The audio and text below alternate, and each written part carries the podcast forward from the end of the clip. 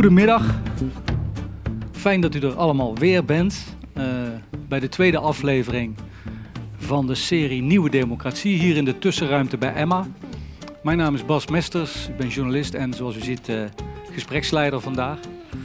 Um, vorige keer, in de eerste aflevering, stelde de Denker des Vaderlands, Daan Rovers, zich hier de vraag: wat is politiek? En die presentatie die is trouwens ook nog terug te vinden op de website, mocht u dat toch interessant vinden nog. En zij zei, wij zijn allemaal de politiek. En ze citeerde daarbij Socrates en Hannah Arendt bleef ze lang bij stilstaan. En ze provoceerde ook een beetje door heel scherp neer te zetten wat niet en wat wel politiek is volgens haar. Dat deed ze als volgt. Ze, dit was allemaal niet politiek volgens haar. Dat zijn zaken, zoals zij dat een beetje samenvattend omschreef. Het zijn meer de antwoorden op de hoe-vragen. Terwijl de politiek, zoals wij die kennen, die is daar heel veel mee bezig. En dit is volgens, hij, volgens haar wel politiek. Dat zijn meer de antwoorden uh, die je samen uh, in gesprek hebt, die, die je zoekt op de wat-vragen. Rovers die stelt en die stelde, en uh, dat is meteen ook de aanleiding richting deze bijeenkomst, dat iedereen verantwoordelijk is om zijn steentje bij te dragen aan de discussie in de publieke ruimte. Het is niet alleen aan de politici, wij zijn allemaal de politiek. En als wij dus allemaal de politiek zijn, als de burgers dat zijn, dan is het natuurlijk ook interessant om te bekijken wat die burgers zoal doen in de publieke ruimte en hoe ze dat vergaat. En dat willen we vandaag gaan onderzoeken. Waarom worden burgers actief? Wat houdt ze actief en wat blokkeert ze? En um, we doen dat met professor Tonkes, met uh, Aukje van Roesel van de Groene Amsterdammer. We doen dat met de mensen van Austerlitz Zorgt en met um, de mensen van wijkatelier Lindeholt in Nijmegen. Die zal ik u dadelijk nog uh, uitgebreid presenteren. Maar we doen dat dus ook met u. En daarom gaan we nu even kijken naar wat wij hier allemaal zelf beantwoord hebben op die vragen die zojuist gesteld zijn. Even kijken wie wij samen zijn, uh, zodat we weten uh, wat we samen voor een vlees in de kuip hebben. Goed, burgerinitiatieven voeden de democratie. Wat vindt u daarvan? Ik ben heel benieuwd. Um, ja, dat vindt de meerderheid wel. Een aantal vindt dat ze niet de democratie voeden. Het is misschien aardig om even één iemand te horen die vindt dat burgerinitiatieven niet de democratie voeden. Wie, heeft, uh, wie, wie, wie vond dat? Of is, uh, zijn er nog mensen die dat nog steeds vinden? Ja. ja? Nou, het is niet Wie, zo. Kunt u uw naam even noemen? Uh, Helene Mees van de Universiteit Utrecht. En het is niet zo dat ik uh, het niet zou willen, maar ik denk dat er ook best wel uh, veel fout gaat in de zin van dat het steeds dezelfde mensen zijn die dan de democratie voeden en dat we een heleboel mensen daarmee overslaan. Daar gaan we het zeker nog over hebben. Dat is een goede opmerking. Um, goed. Volgende vraag. De overheid doet te weinig om burgerinitiatieven te ondersteunen. Nou, kijk, dat is een 50-50. Uh, um, Eén iemand die vindt dat ze te weinig doen. Wie vindt dat? Ja? Waarom heeft u dat ingedrukt? Te weinig. Kunt u uw naam noemen nog even? Uh, mijn naam is Esther Eij. Ik vind dat omdat ik denk, ik heb zelf uit de ervaring dat uh, de overheid het wel wil, maar dat de systeemwereld daar vaak nog gewoon nog te weinig op ingericht is. Okay. En daar gaat het vaak mis, denk ik. Dat is een goede opmerking ook. Die zal zeker ook terugkomen. En wie vindt er dat de overheid uh, ja, dus genoeg doet, of te veel? Genoeg. Wie vindt er dat ze genoeg doet? Ja? Is uh, Eduard Pellekaan. Ik denk dat er een hele hoop uh, mogelijkheden zijn waar je als burger gebruik van kunt maken, maar dat dat nog weinig wordt gebruikt. Uh, bijvoorbeeld ook gemeentelijk. Allerlei inspraakmogelijkheden, initiatiefmogelijkheden. En nou ja, die ruimte is er, maar wordt nog niet optimaal ingevuld. Ja, dankjewel. Goed, um, we hebben een beetje een idee. Um, er zijn zeker dingen genoemd die uit, uitgebreid terug gaan komen. Um, maar we gaan nu eerst door met uh, de column van uh, van Roesel van de Groene Amsterdammer. Ze houdt elke keer een, uh, een column voor ons. Als ik nu Als ik er nu op terugkijk, dan waren wij toen onze tijd eigenlijk te ver vooruit. Ruim 15 jaar geleden kwam er bij mij in de buurt een binnenstadklooster leeg te staan. Zouden we het niet met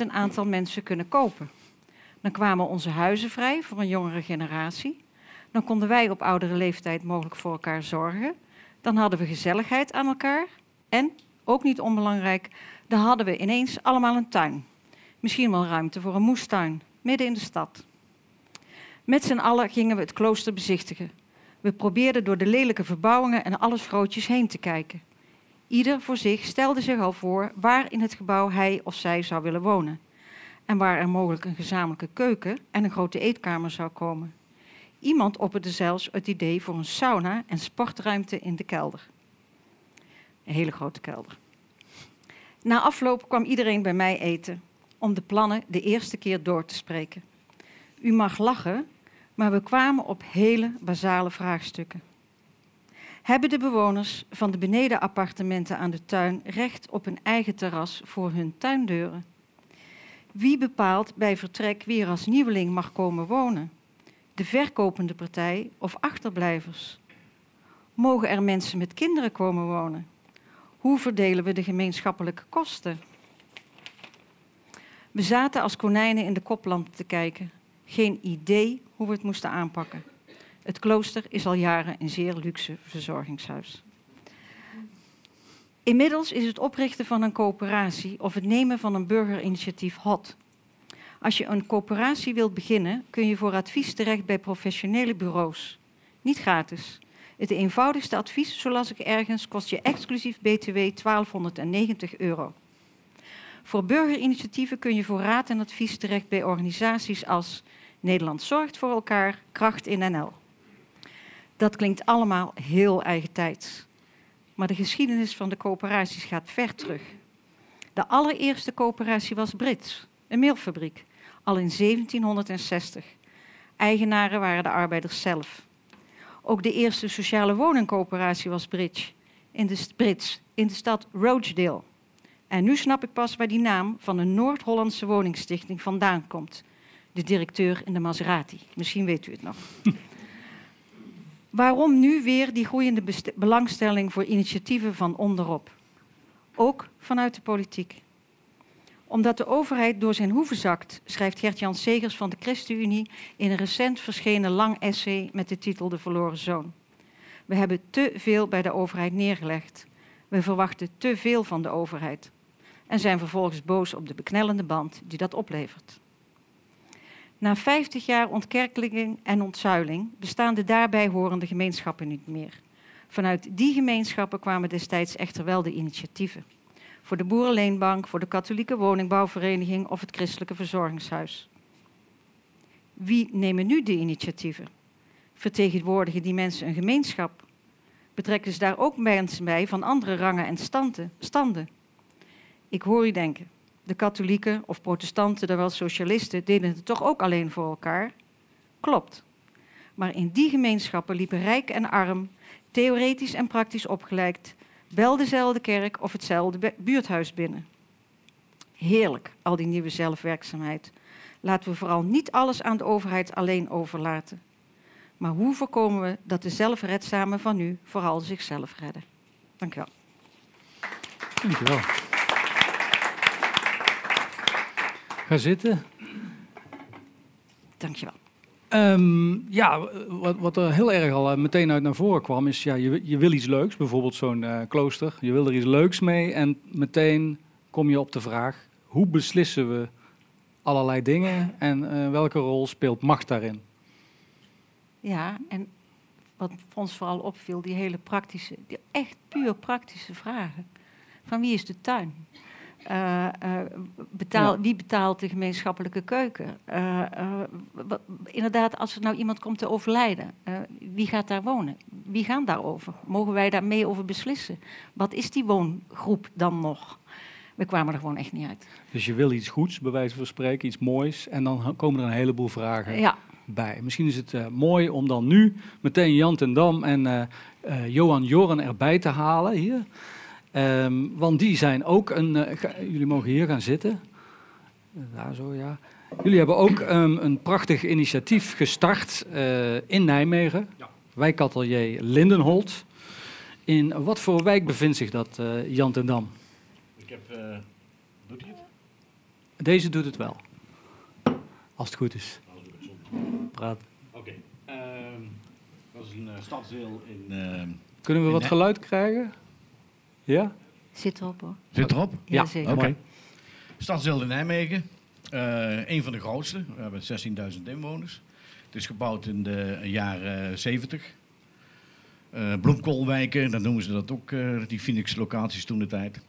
Eh, heel veel los zand. Mensen komen overal vandaan en zijn daar terechtgekomen. Een, eh, heel, een heel groot verschil met allerlei culturen. Fantastisch om te wonen. Mooi, mooi rijk eh, Ja. stadsdeel. Oké, Je- beter om een beetje recht in de microfoon te praten. Dan, eh, het is een echte rechtmicrofoon. En jij bent daar eh, iets begonnen als initiatiefnemer. Je vond dat er iets nodig was. Eh, hoezo ben je daar iets begonnen en wat ben je begonnen? Nou, in 2008, eh, eh, ik was volop aan het werk, maar in 2008 kreeg ik wat meer ruimte. Ik ben voor mezelf begonnen toen de tijd. was in de crisistijd. En een van de dingen die me stoorde was natuurlijk dat van alles gebeurde in de stad Nijmegen, maar eigenlijk niets in die stadsdelen. Dus eh, ik zocht eh, eh, medebewoners om te kijken van kunnen we iets doen. En wat miste je dan bijvoorbeeld? Nou, bijvoorbeeld een bepaald evenement wat daar moest gebeuren. Of voldoende aandacht op het gebied van armoede, de sociale armoede, maar financiële armoede. En we kwamen ook in gesprek met de verschillende welzijns- en zorgpartijen. En zodoende hebben we de verschillende bewoners nou, zeg maar de koppen bij elkaar gestoken. En de uitdaging aangegaan om te kijken van kunnen wij als bewoners dan iets voor elkaar krijgen. En wat was het eerste concrete wat jullie gedaan hebben? Nou, het eerste concreet wat we gedaan hebben is, eh, en dan loop je dan ook al gelijk tegenaan, van hoe krijgen we ergens de ruimte wat we willen doen om dat voor elkaar te krijgen. Ehm, Maar wat, wil, wat was het eerste wat je wilde? nou, wat we wilden was natuurlijk om te kijken van hoe krijgen we nou... De, de inschatting was, toen we bezig waren, dat er een kleine 3000 probleemgevallen in Lindenholt waren. Van Probleemgevallen? probleemgevallen. Wat zijn dat? Van armoede, van eh, eenzaamheid, van gezondheid. eh, en dat was allemaal nog niet gestaafd met allerlei onderzoeken. En eh, alle partijen wat bij elkaar ze- zeiden, we, we moeten iets gaan doen. Om dat eh, ja, toch Lindenholt wat beter neer te zetten. Stond nog niet op de politieke kaart. Dus die vraag beantwoorden, dat hebben we het eerste gedaan. is eerst om de gemeente Nijmegen wakker te maken. En waar- welk jaar was dat? Eh, dan praat ik nu over 2012. Oké, dat is nog niet zo lang geleden. Nee. nee, nee. Dus eh, een, eh, met de wethouder een interview gehouden. En die heeft ervoor gezorgd dat het op de politieke eh, kaart kwam. Ja. Mhm. En wat hebben jullie toen concreet weten te realiseren? Nou, dat is in eh, 2013 gebeurd. Dat wij een, een oude schoolgebouw voor elkaar hebben gekregen. Dat had nog wel wat voeten in de aarde. Want de gemeente was ook niet gewend om het los te laten. Dus die wilde overal eh, het dicteren. We zijn in gesprek gegaan met de zorg- en welzijnspartijen. Waar wij eh, als bewoner van vonden. Ehm, omdat wij niet alle kennis natuurlijk in huis hadden. Hoe gaan we met elkaar om? Wie doet wat? En ja, dan loop je de eerste jaren al eh, tegen allerlei problemen aan. En een van de problemen is elkaar taal leren kennen. Wat bedoelt u daarmee? Nou, Kunt u daar een voorbeeld van geven? Ja, ja, ja. Ehm, we spreken allemaal Nederlands. Maar het woordje wij is voor een heleboel mensen heel moeilijk. Want praat je nou over wij zoals we hier allemaal bij elkaar zitten? Of praat je over wij, ik en mijn organisatie? Ja, ja. En dat, nou, dat heeft wel een tijd geduurd. Of dat eh, een voorbeeld kan ook zijn dat we wel aan tafel zeggen dat wij het belangrijk vinden dat de bewoners geholpen moet worden. Nou, daar is er niks mis mee. Maar als ze dan weer terug in de organisatie waren, werd het even iets anders uitgelegd. Want ons standpunt was, ehm, pas op dat je niet aanbodgestuurd bezig bent, maar vraaggestuurd bezig bent. Met andere woorden, de bewoner die vraagt iets. En eh, als het nodig is, dan moet een professional erbij. Zal hij hem dus ja, de, de goede hulp moeten krijgen. En niet zoals we eigenlijk gewend waren altijd. eh, ik zeg dat jij dat kunt gaan doen, maar daar sta je niet achter. ja. Was het moeilijk om mensen mee te krijgen in de wijk? Eh, ja, de, de, een, van de problemen was wel, eh, zeker mensen die, die iets konden betekenen in bestuurlijke, op bestuurlijk niveau. Dat was wel erg moeilijk. Je had wel heel verschillende mensen die graag een handje uit wilden steken om ergens mee te helpen, mee te denken. Maar eh, verplicht voelen om daar veel tijd in te spenderen, dat was wel moeilijk. Ja, ja, ja. En eh, nog even, hè, want wij, wij zijn er niet geweest, we hebben geen beelden. Nee, Dus jammer. wat, wat is daar nu? Wat, wat, wat, wat, wat, eh, Ja. wat is daar? Eh, in, nou, zeg maar, vorig jaar begon het eigenlijk goed te draaien. Wat hebben we daar? Een oud schoolgebouw. Dat is eh, eigendom van de gemeente Nijmegen. We hebben verschillende ruimtes. Hebben wij als bewoner de regie. Dus we bepalen zelf wat daar gebeurt. En daaromheen zijn verschillende eh, ruimtes waar ook eh, de zorg- en welinstellingen zitten. En waar wij gebruik aan, eh, van kunnen Oké. maken. En jullie hebben een agenda. En als je nou kijkt naar bijvoorbeeld deze maand. Dan Wat geef ik, het er woord, dan? geef ik het woord liever aan Johan, Oké, want dat is onze coördinator. Ja, want je, je hebt het initiatief genomen, maar Johan eh, die is op dit moment de coördinator en die eh, zorgt dat het reilt en zeilt. En je hebt ook de contacten met de gemeente en dergelijke. Ehm, dus wat staat er van deze maand op de agenda daar bijvoorbeeld? Eh, iets waar al een aantal weken waar we heel druk mee zijn. Dat, het is, dat gaat donderdagavond plaatsvinden. Dat noemen wij het ontmoetingsfestival. En daar zijn eigenlijk alle ehm, initiatieven in de wijk zijn daarbij betrokken. Om met name eigenlijk eh, eh, ja, om te kijken van hoe kunnen we de bewoner van Lindenholt meer tot elkaar brengen. Het mo- ontmoeten. eh, eh, en dat kan zijn in, in, in het koken, in het volgen van cursussen. Ehm, Is daar Dus- veel behoefte aan? ja, daar is heel veel behoefte aan. Ehm, eh, dat is ook hetgene wat we ophalen eh, bij, eh, bij de bewoners zelf. Eh, we zitten ook met een, eh, toch wel een, een, een grote groep allochtonen die heel graag Nederlands willen leren. En die we via het reguliere kanaal eigenlijk niet krijgen wat, wat hun vraag is. En daar zijn wij via mijn eigen organisatie, ik ben zelf bij een welzijnsorganisatie in dienst, eh Bindkracht 10. En daar zijn we nu eh, de vraag aan het ophalen bij, bij deze bewoners van, nou, wat willen jullie nou eigenlijk? En als we dat hebben, gaan we dat evalueren en gaan we kijken of we hun vragen of we daaraan kunnen voldoen door middel van een programma. Maar het is dus niet zo'n makkelijke wijk als ik het goed begrijp. Nee, hè? nee. En eh, nogmaals die vraag van krijg je die bewoners mee eh, daarin? Ja, het, hetgene nou eigenlijk wat, wat Jan ook al aangeeft, eh, ik denk dat er heel veel mensen willen graag iets doen. Maar die vinden, eigenlijk de meesten vinden het moeilijk om een kartrekker dat te zijn. Dus voor, om voorop te lopen, om mee te nemen. Als iets draait, dan haken ze aan en werken ze mee. Hè, maar niet bij wijze van spreken voor een hele dag, maar dat soms een paar uurtjes. Eh, we hebben gewoon een hele kleine groep die heel veel doet. En dan hebben we een hele grote groep die een beetje doet. En dan, nou, dan hangt er wel af en toe zo aan, die komt wel en dan weer niet. Ehm, En wat vinden de buitenstaanders van jullie, degenen die niet meedoen? Of weten die niet eens? eh? Nou ja, goed, we hebben, ik zeg al, wij zijn begonnen dat direct, de directe omwonenden vonden het gewoon, gewoon vervelend. Want eh, eh, wij namen hun parkeerplaats in. eh eh, ze waren drukker over hun eigen parkeerplaatsen. Dus dan, eh, daar zat een hele hoop Het werk in, inderdaad, om dat te coördineren. Het was gewoon een openbare ruimte, Ja. dus dat moesten we uitleggen. Eh, maar we zien wel steeds meer, ook de, eh, de, de eigenlijk onze buren, zeg maar, door het eh, vooral uit te leggen waar je mee bezig bent. Ja. Dat is eigenlijk ook, dat komt ook weer die taal uit, uit gewoon uitleggen. Waar zijn we mee bezig? Wat komt er? Mensen uitnodigen en laat ze deelnemen. En we, we hebben tenslotte ook een, toch wel voor iedereen eigenlijk een aantal themaavonden in het jaar. En dat kan eh, eh, over alles gaan. Dat is ook weer uiteindelijk wat Ja, noem eens even wat dingen, dat is toch belangrijk. Hè? Eh, Concreet, ja. Nou, concreet. is bijvoorbeeld nu, dat is een wat. stukje milieu. En, eh, opruimen. Nou, dat is deels opruimen, maar we, hebben heel veel water in de wijk. En dat stond eigenlijk voor 2020 bijvoorbeeld, omdat het moest gebaggerd worden. Nou, dan hoef ik niet te vertellen, denk ik, op dit moment wat stikstof daarin betekent en baggeren. Ehm, alleen dan zie je dat in dit geval de gemeente en het waterschap daar niet goed over communiceert. Die denkt van nou, laten we maar niks zeggen, dan komt er ook niks. Ja, en dan zijn er toch een hele hoop kritische bewoners die zeggen, ja, leg maar uit. Waarvoor ga je het niet doen en wanneer ga je het dan wel doen? Want het stinkt.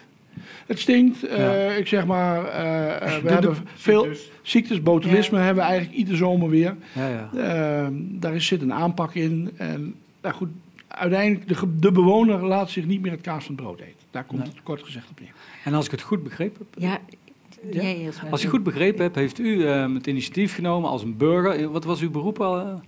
Ja, ik ben opgegroeid in de bouwwereld en uiteindelijk eh, twintig jaar in de directie van verschillende bouwbedrijven gezeten. Oké. Dus bestuurlijk vond ik het hartstikke leuk. Je moet aan mij niet vragen om dingetjes te doen wat dat betreft. Ja, ja, ja. En eh, wat Johan net ook zei, we hebben naast het wijkatelier hebben we ook een eh, bewonersoverleg gedaan. Want we willen ophalen, vandaar die themaavonden die we ook eh, eh, doen. Eh, zo straks zei ik al, zijn los zand als het ware. En hoe krijg je de mensen?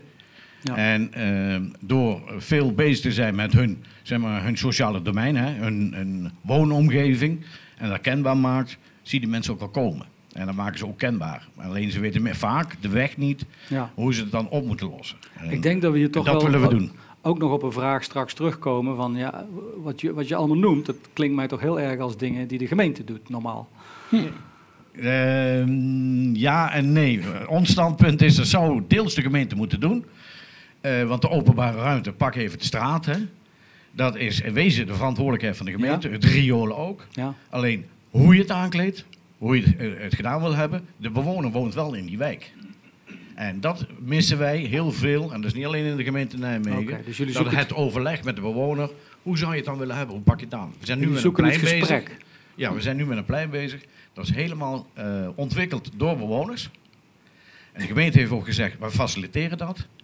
En met de achtergrond was alleen maar om daar de, zeg maar de, de woonruimte, de beleefruimte, veiliger te maken. Dus bijna klaar en het werkt als een tierenlier. Oké. Ik denk dat dit voor als introductie op eh, ja, waar we het eigenlijk over hebben voor nu ehm, eh, een mooi pakketje is, zullen we maar zeggen. Later zullen jullie ook zeker weer erbij betrokken worden. Maar we gaan nu naar ehm, eh, professor Tonkus, die al jarenlang burgerinitiatieven onderzoekt. Ehm, zij zal eh, ons eh, enerzijds gaan vertellen, ja, wat, wat, hoe komen die tot stand? Wat drijft burgerinitiatieven, maar ook wat ehm, blokkeert ze en wat betekent het voor de democratie? En nog vele andere dingen. Ik ga het gras niet voor de eh, voeten wegmaaien. Dus eh Evelien, ga je gang. Oké, ehm, waar, ga ik dat- waar ga ik dat eigenlijk doen? Ga ik dat hier doen? Waar je het prettigste vindt. Staan is altijd wel handig, anders dan zie ik En dan iedereen doen we de niet. stoel even weg, zo. Dan zijn er nog steeds mensen die mij niet zien, geloof ik. Mhm. Ik kan, ook- ik de- kan natuurlijk ook heel bazig hier gaan staan. Hier heb je de klikker. Laat ik dat maar eens doen. Oké. ehm. nou, die foto is net zo... nou, die doen we maar gauw weg. Eh, ja. Ehm, die is een beetje oud namelijk, dus daar val ik altijd tegen. Ehm, wat ga ik doen? Ik eh, doe inderdaad al... eh, of, eh, ik begeleid vooral heel veel onderzoek. ehm, naar burgerinitiatieven ook. En dat doe ik al vanaf 2005. Eh, en dan weet je daar op een gegeven moment het een en ander over. En dan zijn er eigenlijk een paar kwesties over die steeds maar weer terugkeren. En we hebben daarom nu een onderzoeksproject wat speciaal over die drie kwesties gaat. En onder andere in Nijmegen. Ehm, want wat zijn die kwesties dan? Ehm zo nu dan heb ik heel ijdel eh, een van onze publicaties erbij gezet. Ze zijn allemaal gratis te downloaden op mijn eh, website. Eh, dus dan hoeven jullie geen aantekeningen te maken. Ehm dit gaat interessant worden. Oh ja. Diversiteit, duurzaamheid en democratische legitimatie. Dus begin allemaal met een D, dat is ook wel zo praktisch. Ehm, en daar ga ik dus iets over zeggen de komende 20 minuten over deze drie thema's. Waarom zijn die eh, zo uh, klemmend? Ehm, nou is net beloofd dat ik ook iets ga zeggen over wat drijft mensen. Dat hebben we inderdaad ook onderzocht.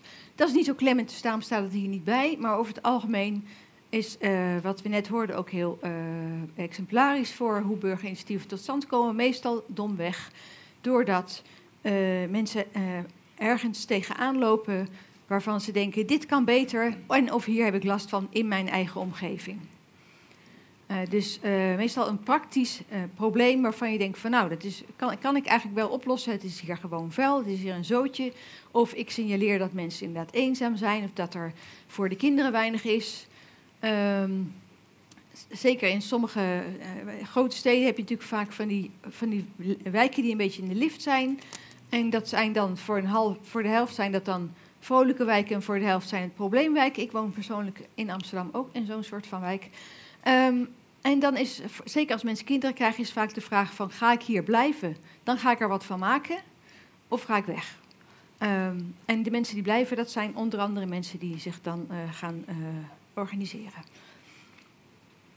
Um, duurzaamheid is dan het eerste thema waar ik naar ga kijken. Eh, en waarom is dat een probleem? Omdat we een paar dingen eigenlijk heel vaak terugzien. Interne en eh, externe problemen die zich heel vaak voordoen. Eh, intern is er heel vaak een kwestie over leiderschap. Uh, en dat is ook best wel logisch, want een initiatief begint vaak bij een min of meer charismatische leider. Iemand die denkt, uh, dit is een probleem en nu ga ik met andere mensen, die gaat mensen overtuigen dat dit inderdaad een probleem is. En die gaat, nou, dat is eerst hartstikke leuk en het is inspirerend en het werkt een tijdje goed. En als het een tijdje goed werkt, dan is eigenlijk voor een deel soms de prijs van dat succes dat andere mensen dan ook ideeën krijgen. En die zeggen, nou laat mij nu maar eens. En volgens mij is het beter als. En uh, voor een, een beetje charismatische leider is dat best wel een ingewikkelde rolwisseling. En je ziet dus ook vaak dat dat dan een, een reden is voor conflict. En dat, dat de structuur die men zeg maar, informeel had opgestart, die werkt dan goed. Maar zo gauw daaraan gemorreld wordt, dan kan het ook wel makkelijk escaleren. En dat komt uh, ook natuurlijk, of tenminste dat wordt versterkt door het feit dat het natuurlijk allemaal bijna vaak vrijwilligerswerk is. Uh, en vaak bij het onderzoeken van burgerinitiatief dacht ik ook wel vaak van, oh ja, dat is ook waarom we een arbeidsorganisatie hebben. Omdat het ook soms wel helder is als sommige mensen bepaalde taken en rollen en functieomschrijvingen hebben. Dat je gewoon kan zeggen, ik ben daarvan, want dat is mijn takenstaat en mijn functieomschrijving. Dat heb je bij burgerinitiatieven nooit. Uh, en dat uh, is echt lastig. Um, tweede is uh, dat we ook vaak spanningen zien met genderverhoudingen. Dus um, dit is, doet zich echt niet altijd voor, maar regelmatig zien wij toch wel dat er wederzijdse stereotypering is dat er uh, uh, vrouwen zijn die, heel, uh, die de zaak nogal zorgzaam benaderen en mannen die dan eerder streng en handhavend zijn als er problemen zijn. En die vinden elkaar eigenlijk ook niet zo makkelijk, dus die zitten aan mijn interviewers te vertellen dat die anderen eigenlijk niet echt deugen. en dat ze veel te, veel te soft zijn of veel te hard. Uh, en dat, uh, dat versterkt, zoals dat heel vaak natuurlijk is, met dat soort verhoudingen, die versterken elkaar vaak. Dus als je dat eenmaal van elkaar vindt, dan zie je dat ook hele terug. Um, en een derde risico is uh, dat het vaak natuurlijk eigenlijk per definitie een soort platte organisatie is, want het is nauwelijks, hè, er is wel een informeel zijn er verhoudingen, maar er is natuurlijk niemand formeel de baas. Maar toch vinden wel vaak mensen dat zij dan toch wel de baas zijn. dus er zijn ook best wel conflicten rond wie is nou eigenlijk de baas? Wie is nou eigenlijk, de, uh, wie is nou eigenlijk het bestuur? Moeten we een bestuur hebben? Moet het bestuur zich bestuur noemen? Uh, en, um, en, en wie ben jij eigenlijk wel dat je mij gaat vertellen wat ik moet doen? Want hoezo ben jij dan eigenlijk de baas? Ja, ik ben bestuur, maar ja, kan mij dat schelen. Je, je zit hier gewoon... Uh, ja, je bent misschien de penningmeester, maar verder moet je je mond houden. Nou, dat soort conflicten kom je ook regelmatig tegen. Uh, en uh, in het licht van duurzaamheid is dat natuurlijk belangrijk, want dat zijn dan allemaal redenen waarom, het, uh, waarom een, een, club die juist leuk bezig was, dan uit elkaar valt. Um, extern zijn er natuurlijk ook bedreigingen. En dat is vaak een gebrek aan aandacht. Dat klinkt misschien een beetje kinderachtig, maar het is natuurlijk wel heel belangrijk dat als je iets doet in een wijk voor een buurt, en heel vaak is dat ook nog op uitnodiging van de overheid kom ik straks ook nog even op terug. Dan wil je natuurlijk ook wel op een gegeven moment gezien worden. En als, dat, uh, en als je dan uh, dus nul op het request krijgt of je vraagt wat van hey, je wil nou eens een keer. Uh, het klassieke voorbeeld is altijd: je wilt. je, hebt dan, je bestaat twee jaar, je bent hartstikke trots en het is zaterdagmiddag en je vraagt de wethouder om dan eventjes dat leuk te komen openen. Maar de wethouder heeft 30.000 openingen, dus die komt niet en laat ook niks van ze horen dat is een categorie uh, erg ontmoedigend. Um, nou, middelen natuurlijk. Hè. Je moet gebouw, ruimte is heel vaak een eerste hobbel. Uh, een hele lange tijd speelden woningcorporaties daar ook een hele nuttige rol in, want die hadden dan vaak een ruimte over en dat was dan uh, best wel prettig. Um, en wat wel bonding en bridging social capital heet in het Engels, dus en in het Nederlands vertalen met overbruggend, um, en vooral dus overbruggend sociaal kapitaal. Dat betekent dat er een gebrek is aan uh, contacten met heel andere groepen dan jezelf. En die heb je op een gegeven moment wel nodig. Um, nou, daar, uh, dat zijn zo een paar dingen die de duurzaamheid bedreigen.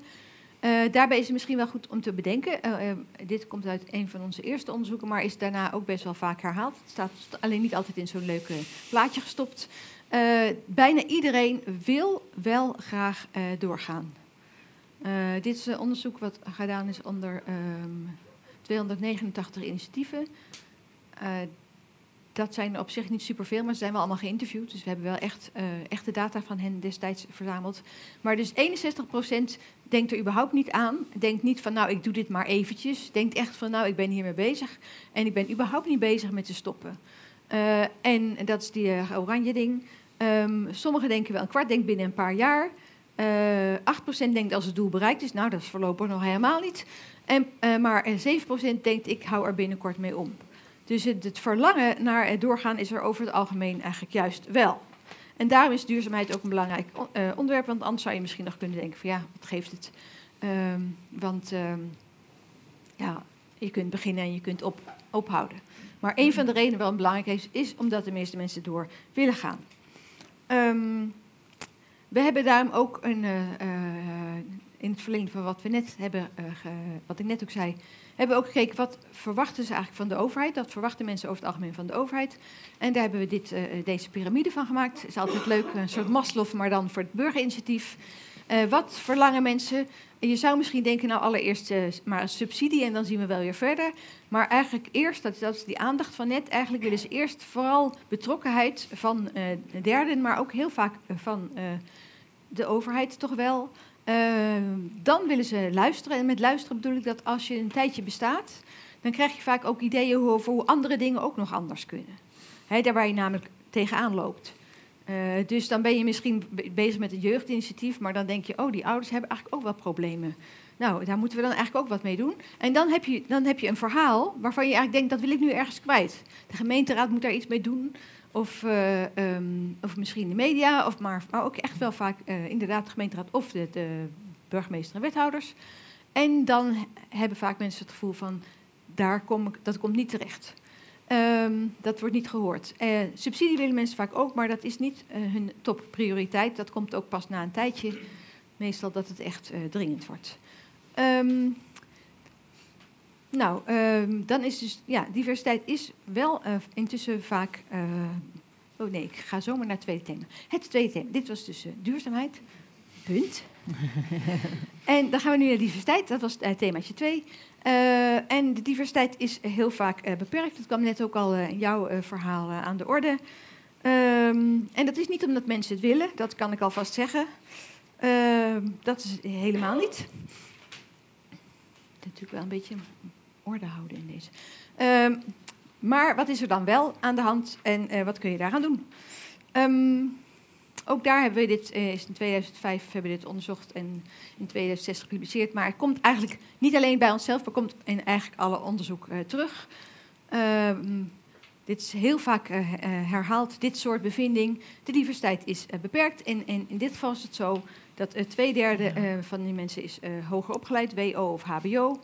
En dat is niet exemplarisch voor Nederland, dus dat geeft het al wel aardig aan. Um, dus, ja? ja? Aan wie heb je het gevraagd? Wie zijn de respondenten? Uh, mensen die uh, dus uh, actief zijn in een burgerinitiatief. Ja, dat zijn dus de organisatoren. Het zijn niet noodzakelijk de organisatoren, maar het, zijn niet de, het is niet het publiek. Nee, nee dat niet. de microfoon willen lopen? Of zal ik Ja. nou is het zo um, dat eigenlijk alle actieve burgers hoger opgeleid zijn. Dus op zich niet bijzonder voor burgerinitiatieven. Uh, dit komt uit een rapport van het uh, Sociaal en Cultureel Planbureau uit 2013, denk ik. Maar de bron is dus SKON, weet ik niet meer wat dat is. Maar u kunt het in ieder geval terugzoeken bij het Sociaal en Cultureel Planbureau, want daar heb ik het uit gestolen. Um, en de clue hiervan is, de hoger opgeleiden zijn rood. Dat had u misschien al vermoed.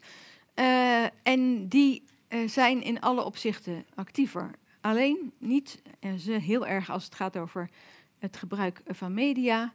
Um, Ehm, maar voor de rest, eh, lidmaatschap van een politieke partij, eh, gaan naar een inspraakavond, enorm verschil. Het zoeken van contact met een politicus of een ambtenaar is een enorm verschil.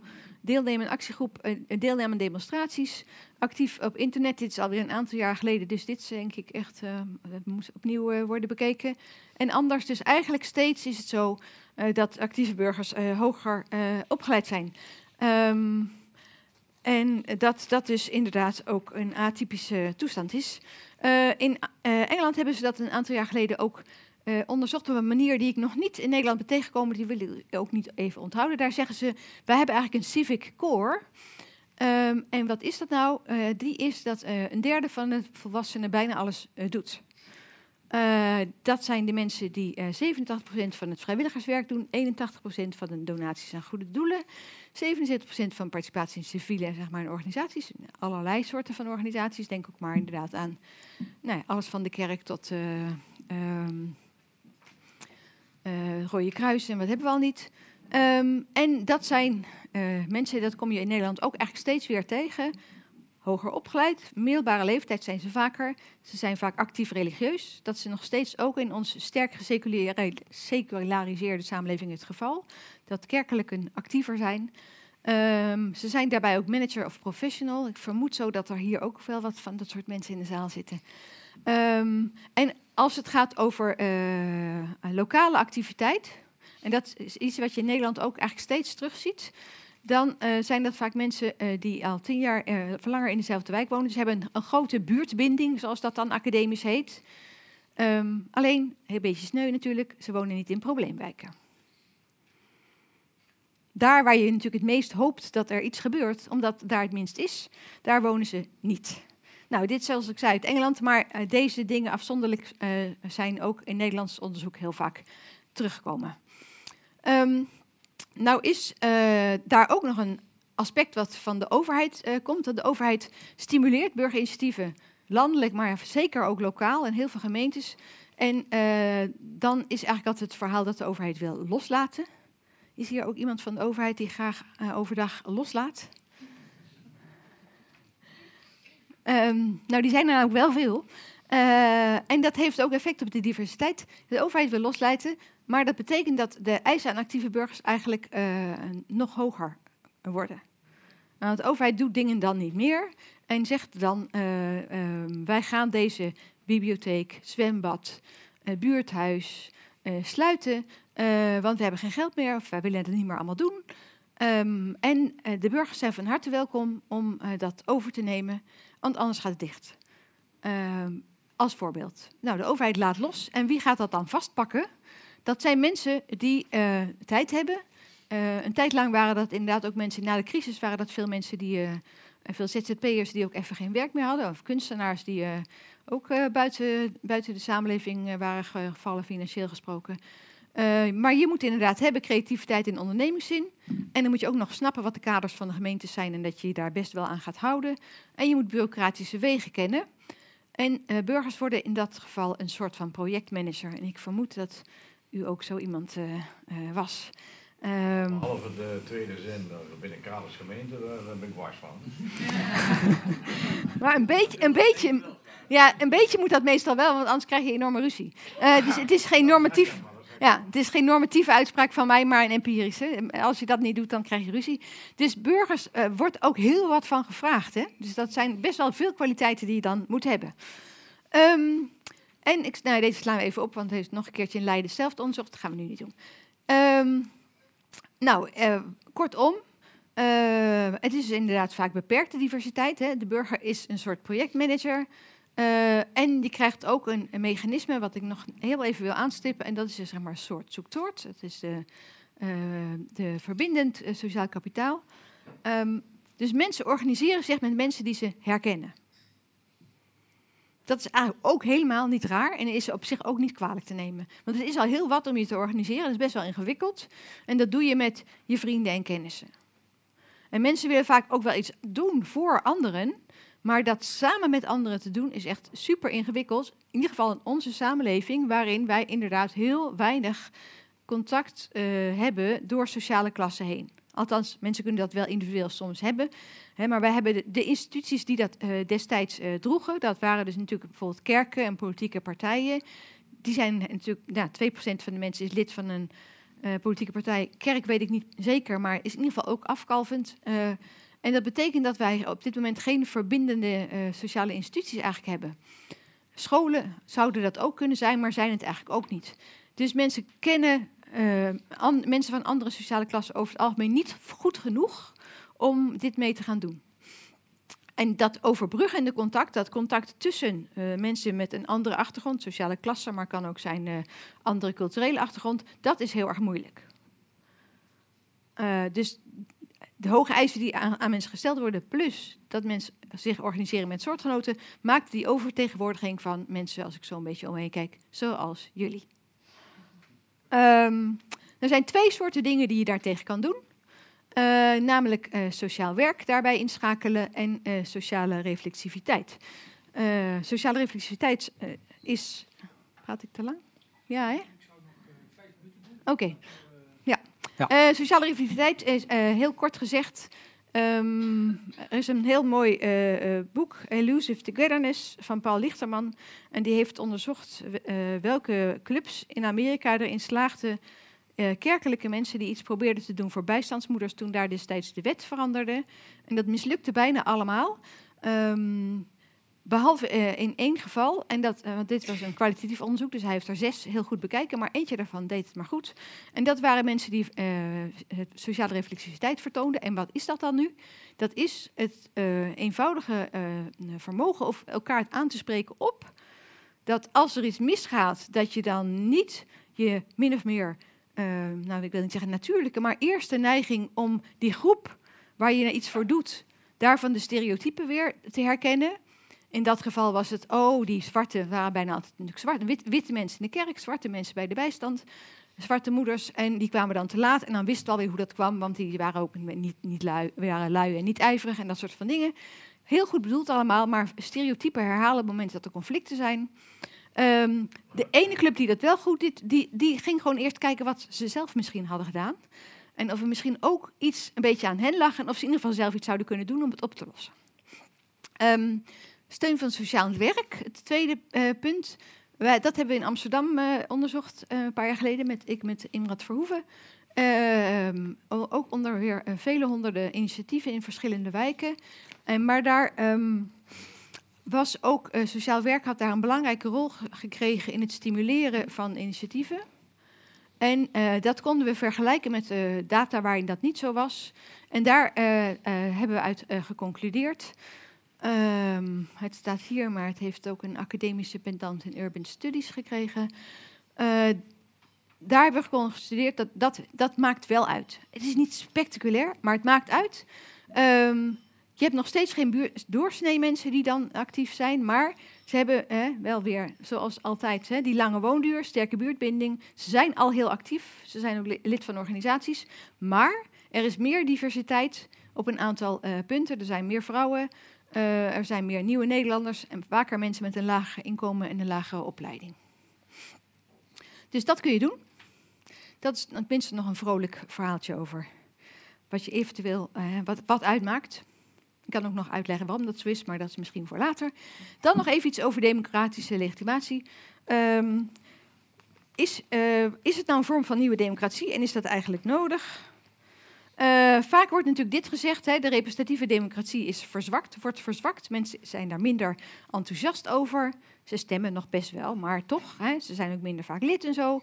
Ehm, dus we hebben meer participatieve democratie nodig. Burgerinitiatieven is een vorm van participatieve democratie naast bijvoorbeeld de G1000 en eh burgerjuries en burgerforums en al dat soort van dingen. Ehm, en dus vaak is dat meepraten. Soms is het via loting, zoals bij G1000. Of soms is het meer meedoen. Burgerinitiatieven hebben meer dat meedoen karakter. Hè, de doe-democratie wordt het ook wel genoemd. Ehm, en dan is eigenlijk de vraag, als de representatieve democratie inderdaad eh, verzwakt, in de zin dat mensen die als minder legitiem ervaren, ehm, eh, moet je dan, kun je dan, is het dan niet zinvol om de participatieve democratie te versterken? Eh, want dan hebben we in ieder geval nog democratie. Eh, dan hebben we misschien eh, wat minder van het een, maar wat meer van het ander. En eh, hè, dan is ook het idee van dat past ook bij deze tijd. Want we zijn allemaal meer wat ondernemender en mondiger. En we laten ons niet meer zo gauw sturen door anderen, maar we gaan het gewoon zelf doen. Ehm, dus ja. Ehm, nou, je hebt wel een paar klemmende kwesties dan. Want je zou kunnen denken, alles is nu vrede. En dat nog in twee minuten. Ehm, eh, een, een belangrijke vraag eh, die, eh, is natuurlijk, wat vinden dan de buitenstaanders? Ehm, een andere belangrijke vraag waar we misschien ook zo meteen over gaan hebben is... ja, als, je, als de overheid steun geeft, vooral als het ook financiële steun is... is natuurlijk toch de vraag, waar concurreert dat eigenlijk mee? Hè, als we weer bedenken dat het vooral hoger opgeleiden zijn... is het natuurlijk wel een beetje lastig dat die dan... die weten al op allerlei manieren meer de weg te vinden... en die gaan dan ook nog weer eh, op deze manier weten ze dan ook nog weer de weg te vinden. Nou, een- legitimatie kan natuurlijk zijn, maar we doen het niet voor onszelf, we doen het voor anderen. Eh, dat kan ook een hele goede legitimatie zijn. Het probleem is natuurlijk altijd wel dat de vraag van wat, wat staat er dan op de agenda, dat wordt dan niet door de anderen bedacht. Eh, dus de vraag is ook namens wie. Ehm, om daar goed over na te denken vind ik altijd wel behulpzaam om eh Hanna Pitken al uit 1967 eh, te volgen. Eh, zij heeft een boek geschreven, On Representation heet het gewoon. En zij zegt, ja, er zijn eigenlijk, wij denken te eenvoudig over representatie na. Ehm, want wat wij onder representatie verstaan, dat is meestal wat zij dan descriptief noemt, dat is eigenlijk simpelweg, lijkt iemand op mij? Dus iemand die mij wil representeren, die moet eh, eh, een, witte, eh, lichtbejaarde vrouw zijn. Maar dat is maar één manier om erover na te denken. Je kunt ook nadenken en denken over functioneel. En dat gaat over hoe ben je eigenlijk op die positie gekomen. Dus als je hele goede verkiezingen hebt, dan is dat ook een vorm van representatie die die andere kan compenseren. Maar misschien nog wel belangrijker in dit kader is symbolisch. In hoeverre ben je werkelijk op de hoogte en ben je in staat om de perspectieven van anderen te, eh, eh, te articuleren. Dus je kunt anderen representeren doordat je ze gewoon heel goed kent. Een jongere werker zou bijvoorbeeld in principe heel goed jongeren kunnen representeren, hoewel die zelf, eh, ook als hij zelf geen jongere is. Dus representatie moet je eigenlijk complexer over nadenken dan lijkt iemand op iemand. Ehm, nou, tenslotte een paar punten over de verhouding tussen beiden. Want daar wordt eh, vaak iets te eenvoudig over gedacht. Namelijk dat je hebt gewoon die dingen naast elkaar. Hè, je hebt representatieve en participatieve democratie. En als de een wat zwakker wordt, wordt de ander wat sterker. Dus een soort communicerende vatengedachte. En daar hebben wij ook eh, onderzoek naar gedaan. En wij hebben eigenlijk geconstateerd dat dat niet helemaal klopt. Omdat eh, burgerinitiatieven ook invloed uitoefenen op de gemeenteraad en, over, en op de, überhaupt op de gemeente. Dus ook op de ambtenaren. Ehm, eh, en we hebben het juridisering genoemd. Het punt daarvan is het als volgt. Ehm, iedereen zegt, eh, we willen representatief zijn. Dat is het punt niet. Hè? Dus representatie is op zich een onomstreden idee. Ehm, maar in de praktijk eh, krijg je toch, krijgen de deskundige burgers meer ruimte. En is er ook een soort van idee van, nou, als iets vernieuwend is, dan is het ook, eh, dan is het ook belangrijk en dan gaan we dat ook meer ruimte geven. En het eh, gevolg is dat er eigenlijk best wel heel veel in gemeentes in eerste instantie veel ruimte wordt gegeven aan burgerinitiatieven. Eh, ik kom ook vaak op bijeenkomsten waar ik helemaal de partijen niet meer met van elkaar kan scheiden, omdat iedereen moppert op de gemeente, ook de ambtenaren zelf. Ehm, eh, maar uiteindelijk betekent dat dat er van alles gebeurt buiten de gemeenteraad om. En nou is dat altijd wel zo, maar als je er op een gegeven moment toch ook beleid, im- impliciet wordt er beleid opgevoerd. Eh, ambtenaren hebben contact, wethouders hebben contact, er gebeurt van alles. En de gemeenteraad komt vaak pas in beeld als er al heel veel is gebeurd. En de gemeenteraad niet veel anders meer kan doen dan zeggen, eh, dit is een briljant plan. Of, dit gaan we niet doen. De laatste is een rotrol. Dat wil natuurlijk niemand. Ehm, eh, maar dat is dus eigenlijk, een, een, dat noemen we juridisering, van de gemeenteraad heeft eigenlijk niet meer zozeer een politieke rol, hè, van het afwegen van verschillende visies, maar heeft een soort van eh, een hekkensluiter van, nou ja, ja, je mag ja of nee zeggen, alsof je een soort eh, eh, rechter bent eerder. Ja, en Ja. in die één minuut. Ehm, het tweede probleem is informalisering. Hij hangt ook met elkaar samen. Eh, er zijn tegenwoordig eh, tamelijk lage verwachtingen van formele processen. En ambtenaren zeggen ook vaak: ik eh, moet dimmen en ik ga op mijn handen zitten. Informele processen verwachten we op allerlei manieren meer van. Eh, dus er wordt ook heel veel informeel overlegd. En dus ook het politieke debat verschuift niet alleen richting juridisering, maar ook informalisering. Er gebeuren allerlei informele dingen waar buitenstaanders eigenlijk geen zicht op hebben en eh, geen greep op hebben. En waardoor mondige burgers natuurlijk meer invloed krijgen.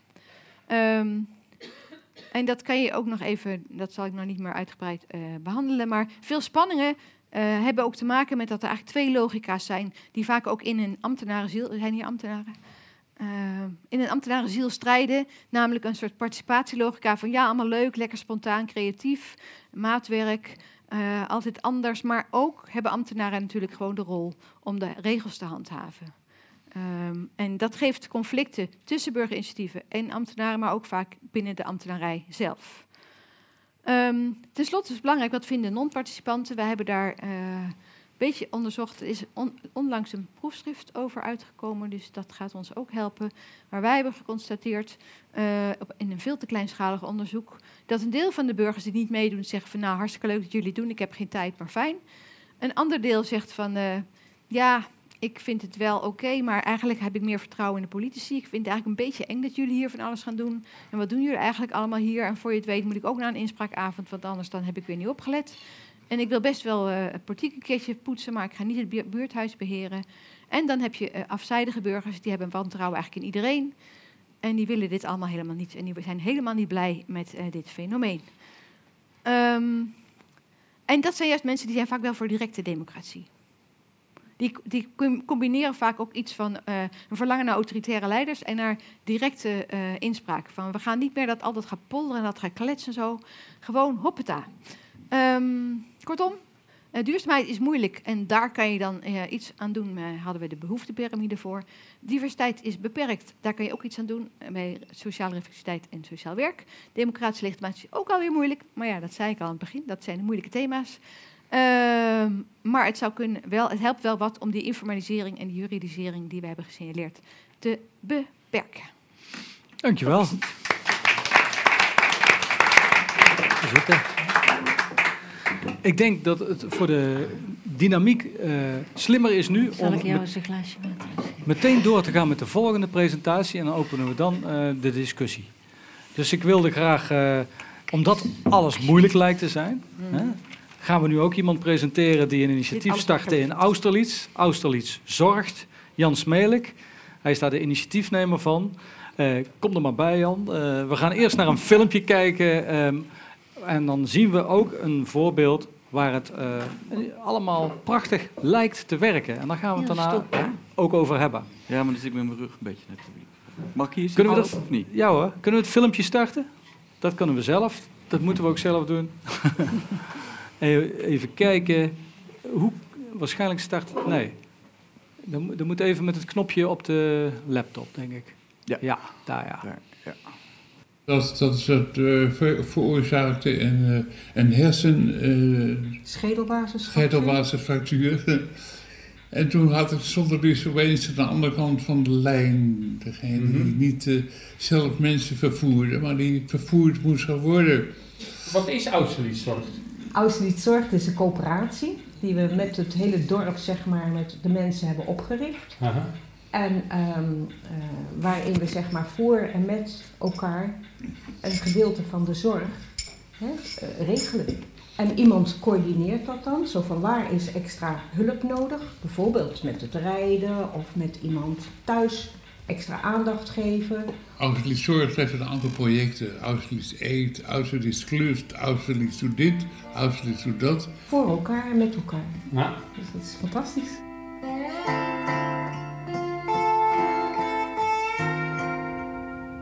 In feite is er maar één centraal adres voor alle mensen in Austerlitz. En dat is gewoon heel prettig. Geeft ook een soort gevoel van zekerheid. Van eh, stel dat ons iets overkomt, dan is er altijd iets of iemand die ons eh, kan helpen. En wat ook zo fijn is van Austerlitz Zorgt, het geeft een enorm gevoel van saamhorigheid. Aha. Mensen doen iets voor elkaar, mensen zijn iets voor elkaar. Het verbindt ook. Het verbindt enorm. Wat gaat er nou vandaag gebeuren? Bart moet naar de dagbehandeling vandaag. Ja, ja, ja. ja, je moet naar de dagbehandeling. En vandaag komt Marianne eventjes met ons praten over van hoe gaat het nu, wat heb je nog meer nodig.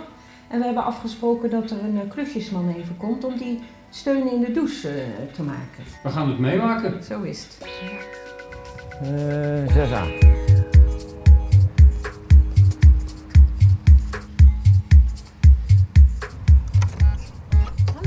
Hoi, ik ben Frans.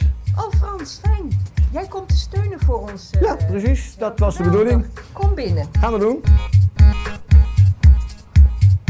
Eén een klusje heeft gedaan voor de ander of een ritje heeft gedaan voor de ander. Dan komen ze elkaar op, eh, op straat weer tegen en dan is het... hé, hey, hallo, hoe is het met je? Dus het hele dorp is er ook wel gezelliger op geworden. Je hebt een basissolidariteit nodig om het te kunnen, maar daarna versterkt het de solidariteit. En je gaat dingen doen die je vroeger nooit gedurfd had. Zo, het café is ook eigendom van het dorp, hè, met 250 eigenaren sinds een jaar. Dat hadden we tien jaar geleden niet eens in ons hoofd gehad. Corrie, je bent vrijwilliger bij Austerlitz Zorg. Waarom vrijwilliger? Ja, eh, je woont in een dorp, je kent elkaar en eh, ik ben eh, gepensioneerd, dus ik heb veel vrij. En als iemand weggebracht wordt, nou ja, ik, eh, ik vind het prima, ik breng wel iemand weg. En ja, straks ben ik eh, oud en eh, dan wil ik misschien ook wel geholpen worden. Ach, het is altijd wel leuk om iets voor een ander te doen. Dat geeft toch altijd een goed gevoel. Maar nu hoor je weer de achtergronden en eh, hoe het met de mensen gaat. Moet ik met je mee naar binnen of? Zo. Nee? Oké. Spreken we om drie uur af, kom ik je weer halen. Toppie. Oké, fijne dag.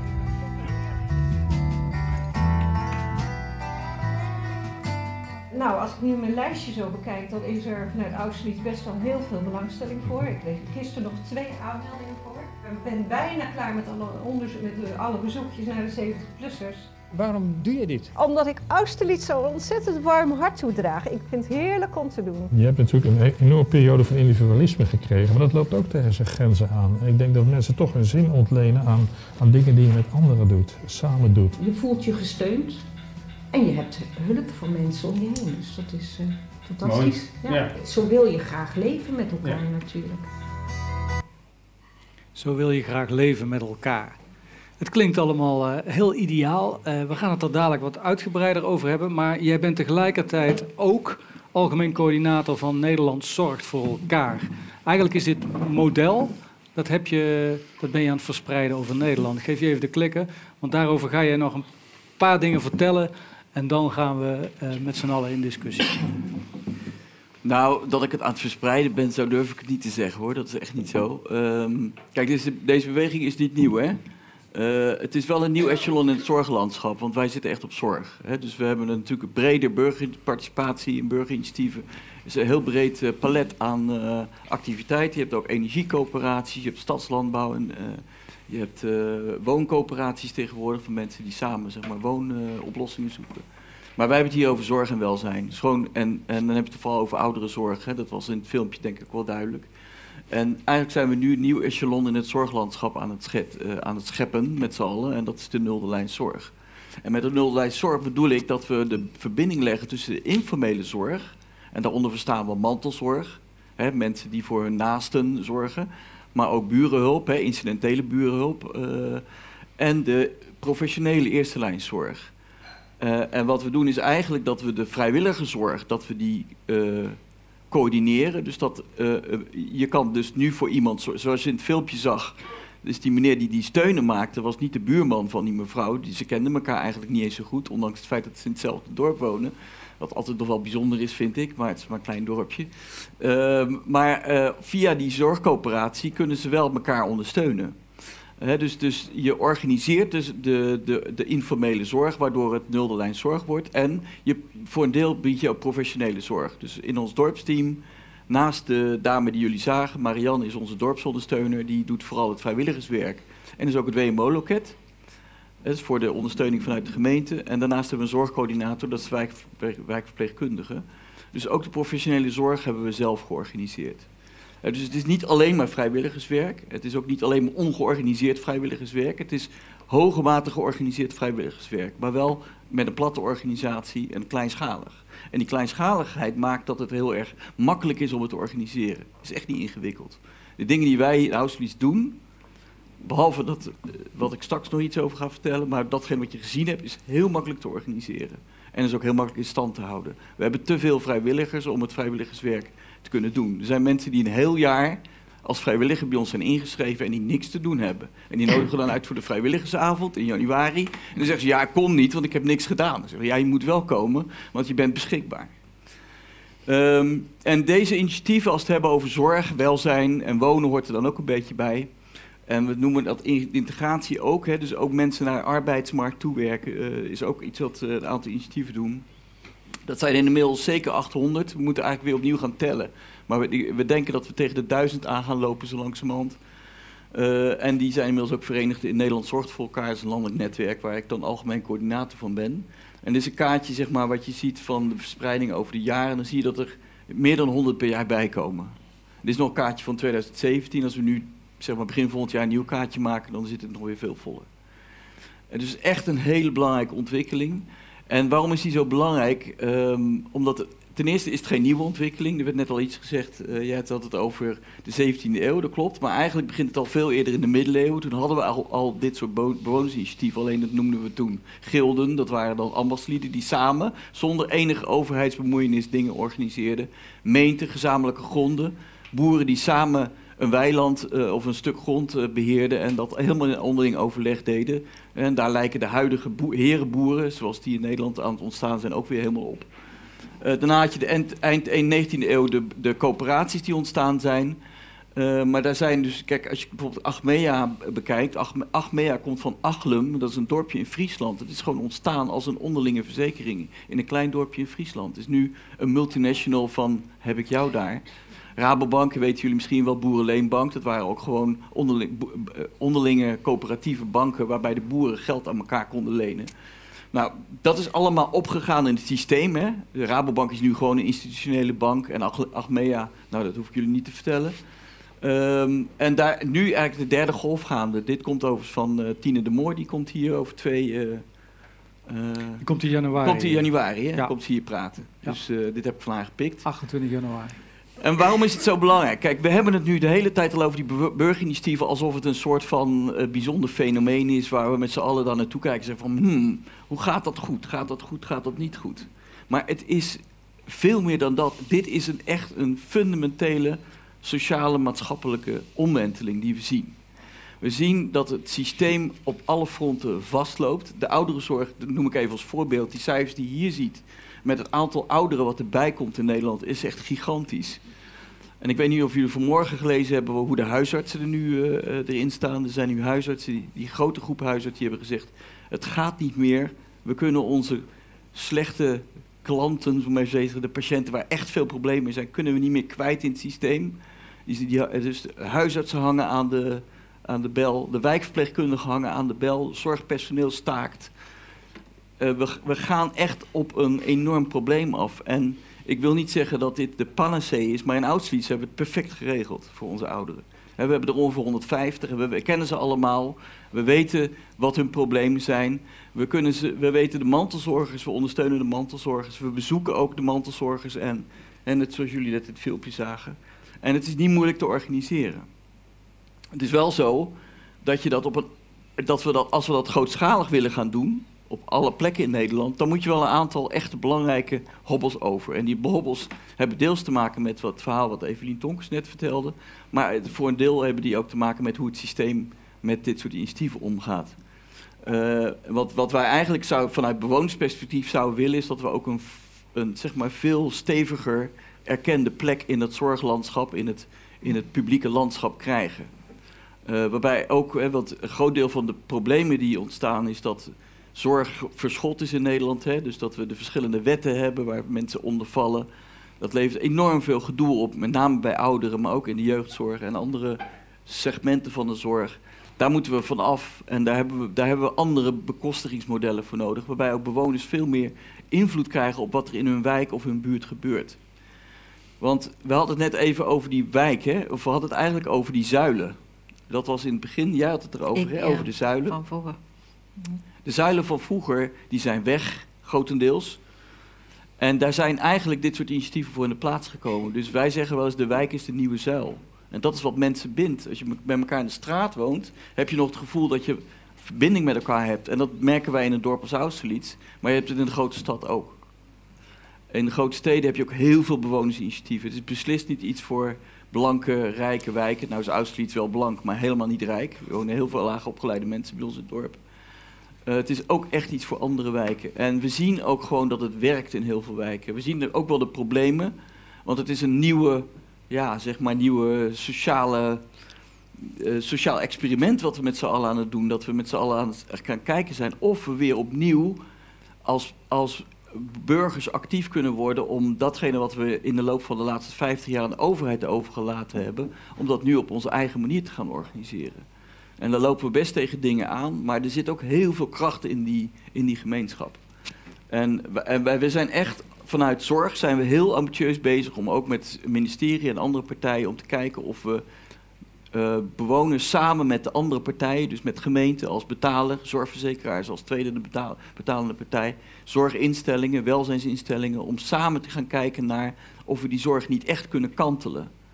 Dat we meer, veel meer aandacht hebben voor het weghouden van mensen uit de zorg. We moeten niet meer zorg hebben, maar minder zorg. Kun je naar een moeten zorg- slotstatement gaan? Dat was mijn Ja. slotstatement. Nou, niet dat is meer zorg, maar minder zorg.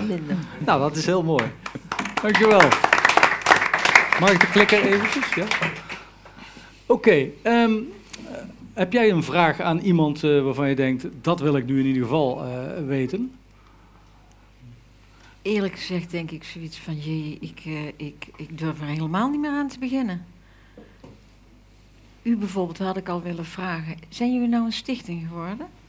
Ja, in 2013. Ja, ja. hebben een stichting Dus jullie zijn... Meerdere ja, stichtingen zelfs. oh, meerdere. Ja. Dus eh, we hebben de stichting Wijkatelier die zuiver... Dankjewel. Nee, maar... het- De stichting Wijkatelier, dat gaat zuiver eh, over het uh, wijkatelier. Daarnaast hebben we stichting Bewoningsoverleg om de problemen en de zaken uit Lindenholt boven water te krijgen. Ja, dat ophalen waar het over had. Het ophalen. Maar er is dus al twee keer een bestuur moeten aanstellen. eh, dat soort dingen alleen al bedoel ik. Dat, dat is al een hoop Ja. werk. En dan overleggen met de gemeente. Ja, wat je, wat, wat je vaak ziet is dat, eh dat heb ik straks ik ook Mhm. gezegd, dat er best een hele hoop mensen zijn die dingen willen doen in- voor hun gemeenschap. Ja, dat zei jij ook. Ja. Ja. En eh, je vindt maar weinig mensen, ik denk een heel Lindenholt uit eh, met twee handen gevuld krijgt eh, qua aantal bestuurders die echt bezig zijn om eh, dat allemaal te faciliteren.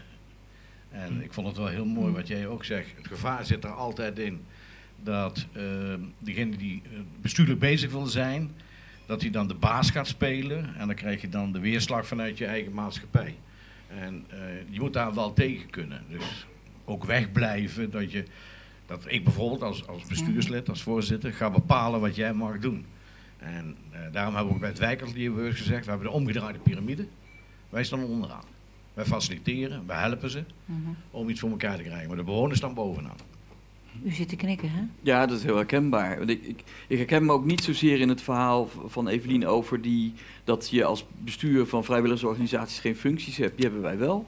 We hebben een bestuur waarin zes bestuursleden die allemaal een eigen portefeuille hebben. En die daar ook gewoon, nou ja, niet op afgerekend worden, zo doen we dat niet. Maar die wel elk jaar aan onze ledenvergadering, eh, en we hebben in het dorp 450 leden van de 1000 volwassenen. Dus dat is een groot contingent eh moet elk jaar verantwoording afleggen. En eh, we hebben een commissie van advies met een aantal hele slimme mensen, die ook landelijk bekend zijn in de zorg, die ons daarbij adviseren. Al onze producten en diensten zijn voortgekomen uit wensen van het dorp. Dus we hebben al drie keer een enquête gehouden in het dorp. Eh, we hebben verschillende avonden belegd waarin we mensen ideeën konden inbrengen. De eerste ledenvergadering ging eigenlijk alleen maar over wat gaan we doen. Toen zeiden mensen, een mooi voorbeeld doen. Mensen zeiden, we willen de huisarts terug in het dorp. Want we hadden geen huisarts meer. Die was een aantal jaar daarvoor naar Zeist vertrokken. Eh, en ehm, eh, mensen moeten nu naar Zeist voor de huisarts. En die zeiden, ja, we willen de huisarts terug in het dorp. Nou, wij als bestuur daarmee aan de slag. De huisarts die weg was gegaan, wilde niet terugkomen. Toen zeiden we, nou, gaan we iemand anders regelen. Toen hadden we een huisarts geregeld die een, eh, een ochtend in de week spreekuur ging draaien bij ons in het dorpshuis. Maar ja, daar kwam niemand op af, want niemand wilde bij zijn eigen huisarts weg. nou, die, die hield er na drie maanden mee op. Toen hebben we nog iemand geregeld, een andere huisarts, die het ook geprobeerd heeft. Nou, die had hetzelfde probleem. En toen hebben, zijn we terug naar de leden gegaan en zeggen van... ja, als jullie niet willen overstappen van je vertrouwde huisarts... Kijk, die wil niet komen, dus hebben we iemand anders. Als je niet wil overstappen, dan houden we ermee op. Nou, toen hebben we ermee opgehouden. Maar we hebben het wel geprobeerd. Als, je, als u nou luistert naar het verhaal eh, wat er uit Austerlitz werd verteld. Het, dat klinkt super georganiseerd, bijna zoals Ja. in een bedrijf of bij een. Of een eh, eh, zou dat mogelijk zijn in uw wijk? Ja, ik denk het wel, want wij proberen het ook als een super, als een bedrijf te organiseren. Alleen, en ik kom zelf ook uit een dorp eh, uit het verleden. En daar hadden we het eh, buurschap, hè, de, nabuurschap zoals we dat Ja. noemden. Eh, ik denk wel dat het kan. Alleen het vervelende is, een dorp kennen elkaar de mensen veel beter. En dat is in de wijk, of in de stadsdeel bij ons. We hebben twaalf wijken. Dat is dat veel moeilijker te organiseren. Je kunt het wel makkelijker misschien in je eigen straat organiseren dan over 16.000 eh, inwoners. Maar ik ben wel met het hele verhaal in. Je moet het wel helemaal bestuurlijk gaan benaderen om het van de grond te krijgen. Dus dat je eh, eh, duidelijkheid hebt van hoe je het neer wilt zetten. Ik, want ik ken dit verhaal, dat doen wij ook wel eens. We halen iets op en dan willen de mensen dat geregeld hebben. En puntje bepaalt je en dan zie je niemand verschijnen. En dan moet je het ook weer terugkoppelen om te zeggen waarom het dan niet wordt. Ja. Dus eh, ik zeg wel eens, eh, je kunt antwoord krijgen ja, maar soms moet je ook wel eens een nee verkopen. Maar wees dan duidelijk erin wat die nee ook inhoudt. Ja. Ik zie jou een beetje trappelen. Volgens mij heb jij eh, iets te vragen. Nou, te- nou ja, kijk, het, het- er zitten twee, twee dingen in die. eh, eh, ik, vind het, ik vind het hartstikke leuk en mooi als mensen het doen. Hè? Dus daar, daar, daar geen misverstand over. Ehm, maar ik, ik denk wel dat het ook illustreert dat het probleem van de, van de sociale ongelijkheid niet kleiner, maar groter wordt.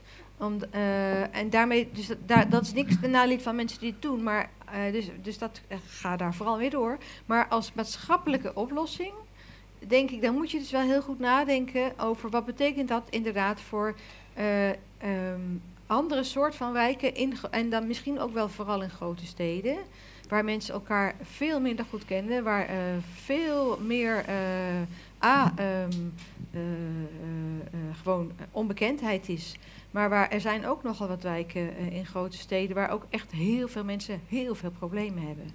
Ehm, dus als je het als maatschappelijk model wil neerzetten, dan moet je wel echt na, dan, dan moet je, dan denk ik dat je moet constateren, daar gaat dat echt niet lukken.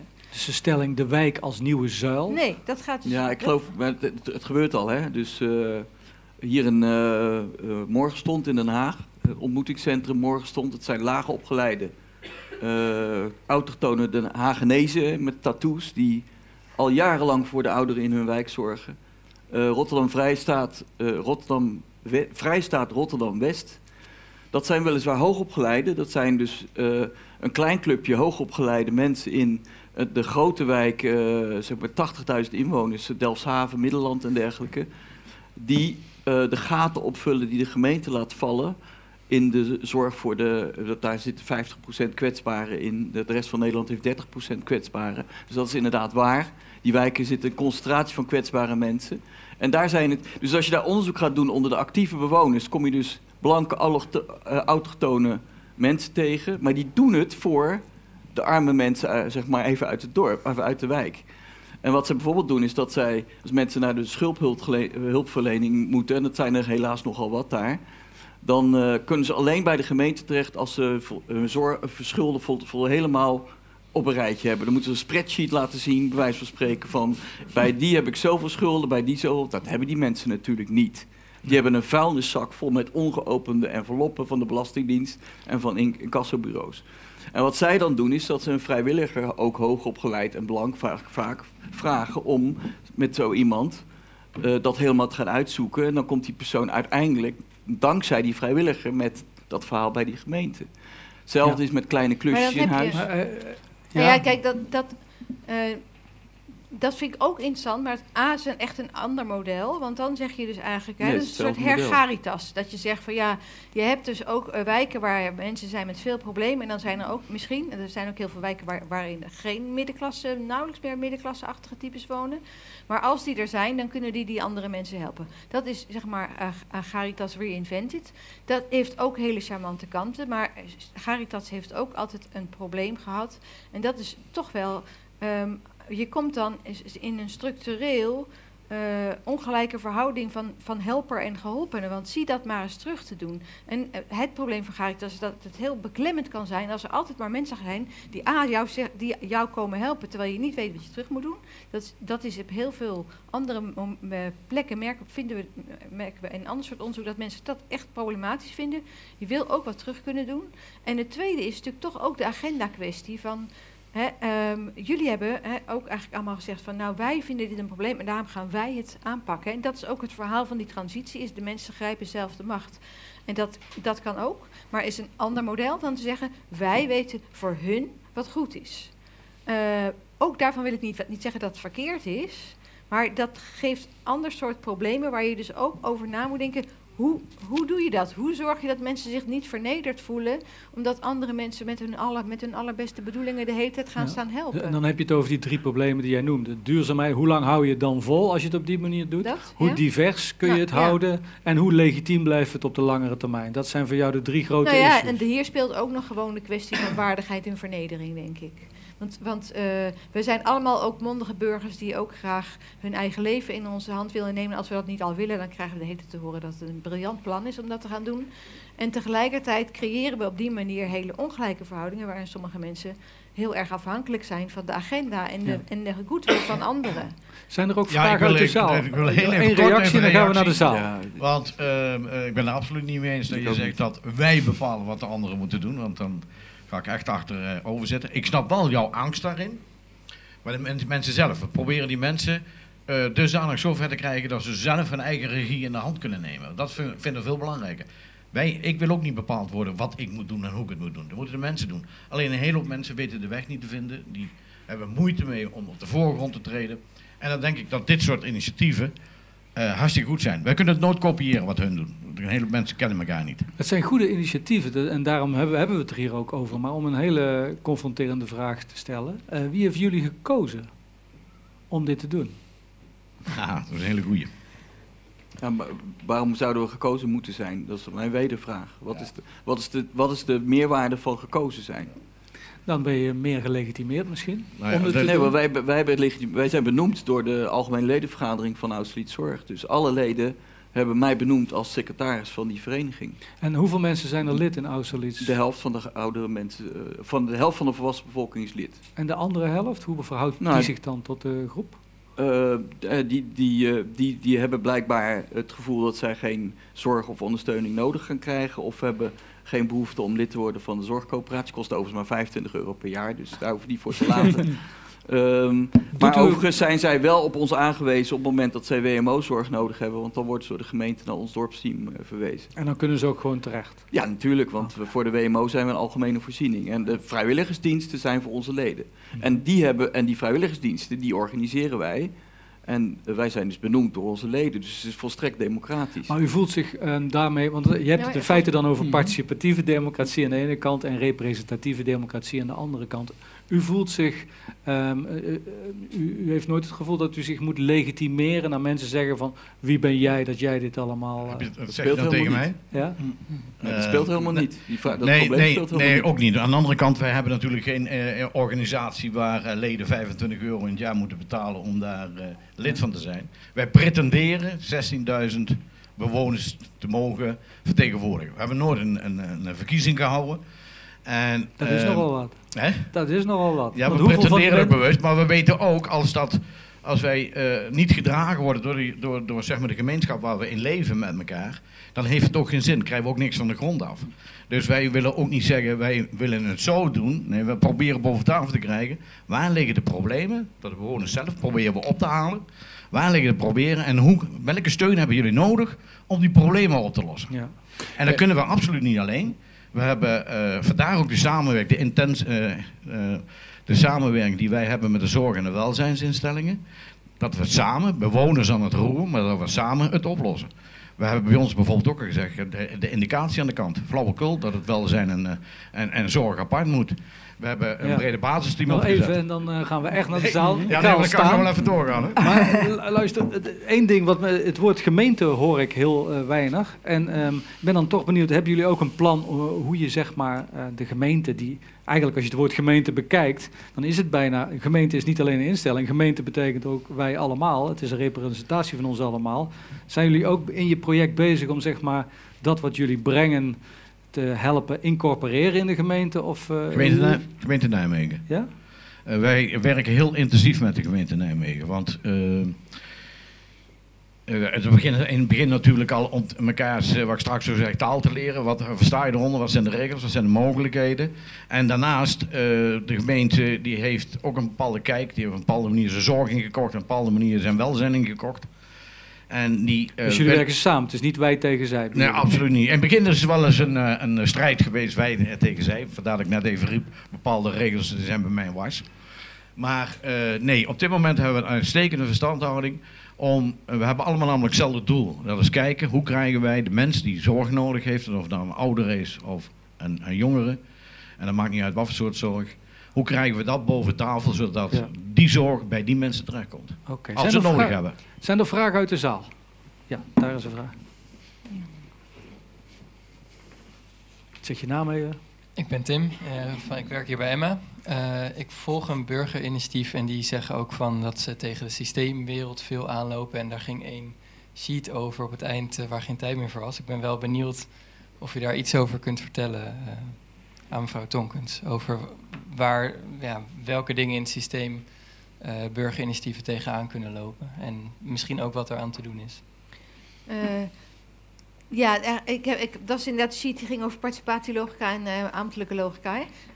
En inderdaad, ehm, wat, wat ik heel vaak zie is dat burgerinitiatieven zijn natuurlijk, het worden heel vaak ook heel st- sterk geformaliseerd. Er worden op een gegeven moment ook wel soms bedrijven, of dan kun je ze ook beter maatschappelijke initiatieven noemen. Maar ze hebben in ieder geval een impuls van, die toch vrij informeel is en inderdaad iets van, eh, ja dat hè, van spontaan eh, creativiteit. ehm, we gaan eh, samen iets maken. Het is ook vaak een beetje anti-bureaucratie, want we zijn, iedereen is best wel. eh, eh, bureaucratie heeft niet een hele goede naam in onze eh, maatschappij.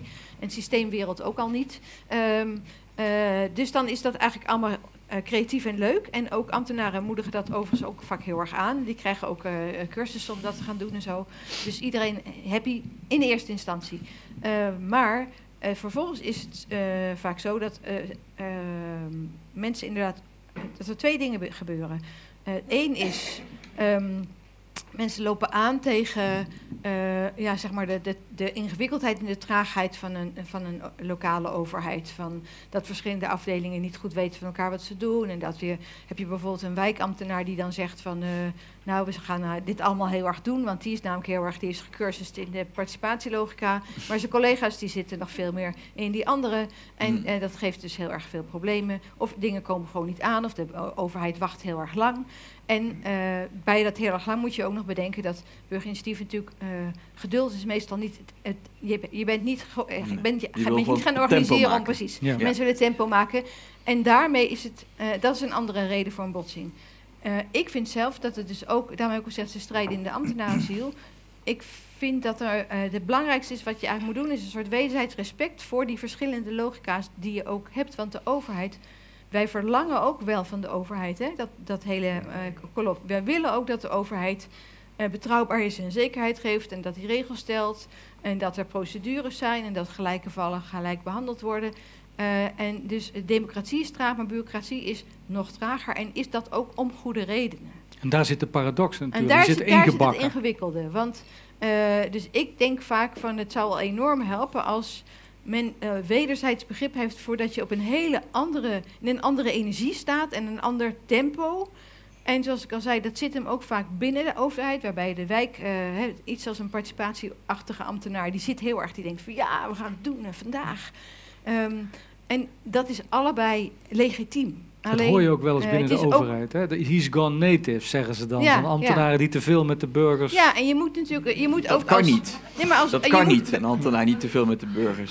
Nee, ja, je moet dus ook bedenken dat, dat, wij, eh, we, dat, de, dat we ook respect moeten hebben voor die bureaucratische logica. En ik, zoals ik al zei, ik ben wel eens geweest bij een, bij een, eh, eh, avonden van, ehm, van o- de overheid die dan met de burgers gaat praten. En dan zat iedereen te mopperen op de ambtenarij. En ik dacht dus eerst van nou, hier zitten dus alleen maar actieve burgers. Maar de helft bleek te staan, het bestaan uit ambtenaren die allemaal zaten te mopperen op ambtenaren. Eh, dat schiet dan uiteindelijk niet op.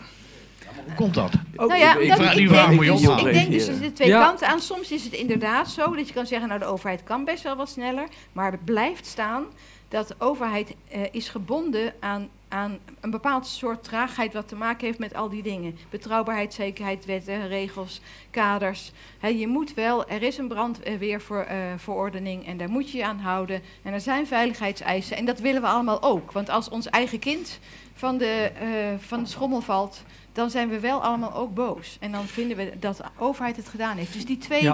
Die ga je nooit verzoenen. Dus daar moet je mee ja, leven. maar- We hebben nog een, een vraag eerst uit de zaal, want wij hebben al veel gesproken. Ja, ik zeker. Ik noem je naam even. Oh ja, eh, Iris van Genuchten. Eh, het is niet, misschien niet per se een vraag, maar eerder een soort herkenning dat eh, ik vanuit mijn werk ook best wel veel projecten heb gedaan waarbij er een burgerinitiatief was, bijvoorbeeld in de openbare ruimte. En dan komen deze spanningen veel meer op scherp te staan, denk ik, dan bijvoorbeeld bij zorginitiatieven. Want dan heb je opeens mensen die vanuit heel veel energie en heel veel creativiteit en heel erg met overtuiging eh, een bepaald initiatief genomen hebben, wat Mhm. vaak een maatschappelijk doel eh, dient. Bijvoorbeeld sport voor jongeren of eh, tegen hangjongerenplekken. Maar dan zijn er ook mensen, ehm, vaak in mijn beleving witte, theoretisch opgeleide, gepensioneerde mensen, die de oude Oh, boomer! Oh, boomer! Yes. Eh, die de, die de Ik ga die oude vraag niet beantwoorden. Wat wil je zeggen? die de, die de, die de, de bureaucratische logica weg naar de overheid heel goed weten te vinden. Of die vaak ook goede banden hebben met, met bestuurders. En die daar heel erg voor kunnen gaan liggen op die oude manier. Dus op het moment dat je zorg draagt voor elkaar, dan is dat iets heel positiefs en iets wat we allemaal willen. Maar op het moment dat het gaat om ruimte die gedeeld moet worden en die ook anders ingezet zou kunnen worden. En dat is denk ik ook het punt van mevrouw Tonkers met de, de middelen die gedeeld moeten worden. Dan heb ik ook vaak de ervaring dat dat er ook een hele grote groep burgers is die die bureaucratische logica wel echt heel belangrijk vindt. Dus dat burgers, enerzijds zijn burgers aanjagers als het om zorgtaken zijn, maar soms zijn juist de overheden beschermers als het om ruimtelijke taken gaat. Nou, ik weet niet of ik het of het een of het ander, maar eerder als een, als een, Mhm. Ja. als een illustratie Nee. van wat mevrouw Tonkers zegt, dat ik dat wel ook Mhm. echt heel erg herken, ook vanuit burgers. Wat Maar je hebt beide nodig. Maar wat wij bijvoorbeeld in het wijkatelier ook eh, samen met de gemeente Nijmegen hebben afgesproken om te zeggen van joh, laten we nu even regels even vergeten en laten we nou kijken waar we samen een werkbaar eh, eh, concept bedenken. Waarin we de gemeente aan de ene kant van hun, zeg maar even juridische kant eh, ermee wegkomen en aan de andere kant wat wij willen. Het kan dus wel. Belangrijk daar is wel is dat je binnen de gemeente wel met de juiste mensen aan tafel komt te zitten. Oh, even wachten, anders, eh, want we nemen het ook altijd op. Eh, en ook in de omgeving, want ik kom heel vaak in projecten ingevlogen op het moment dat het daar mis is gegaan. Dus dat er vanuit de gemeente heel erg veel draagkracht is, dat vanuit de initiatiefnemers heel erg veel energie is. En eigenlijk is het allemaal fantastisch en leuk. En dan komt die gemeenteraad die pas heel laat betrokken wordt. En dan is het eh, eigenlijk een soort ja of ja, gra- of ja, graag. ja. Ja. Precies. Eh, Ja. En dan mist het draagvlak ook onder inwoners juist. Dit, dit, is, dit vind ik wel herkenbaar wat je zegt. Eh, maar het ligt er wel een klein beetje aan waar, waar je mee bezig bent met elkaar, met de bewoners. We hadden het straks even over de sociale domein. En ergens is een winkelcentrum, heel veel jongerenoverlast. En eh, daarboven zijn ouderenhuisvesting. Dus ja, de ouderen die hebben vaak het. eh, ja, maar de jongeren van 15 jaar geleden, ja, die zijn er niet meer, is andere geworden. Maar hoe ga je dat met elkaar aanpakken? En eh, de gemeente weet ook, en de politie weet ook, er is daar. Hoe pak je dat aan? En dat zal heus de raad niet tegenhouden, omdat het een openbare ruimte is die we met elkaar willen verbeteren. En dat is gebeurd. Dat is bijna klaar. Fantastisch. De jongerenoverlast is minder geworden. Ouderen voelen zich eh, veiliger daar. En dat ziet er nog mooi uit ook. Maar heb je zaken als, waar we ook mee bezig zijn, om eh, eh, bijvoorbeeld naar eh, de zorg voor ouderen, naar, naar beschut wonen, wat we niet in Nijmegen kennen, dan moet je ook weten dat de raad achter je staat. We zullen dus ook met, vanaf die, dat moment met die mensen in gesprek moeten gaan, om te kijken van hoe lossen we dat met elkaar op. Ja. En- zijn nog, ehm, eh, we doen nog drie vragen, dus we Mhm. een beetje de, de dynamiek erin houden. Eh, is er nog een vraag vanuit de zaal? maar, ja, ik kom naar u toe.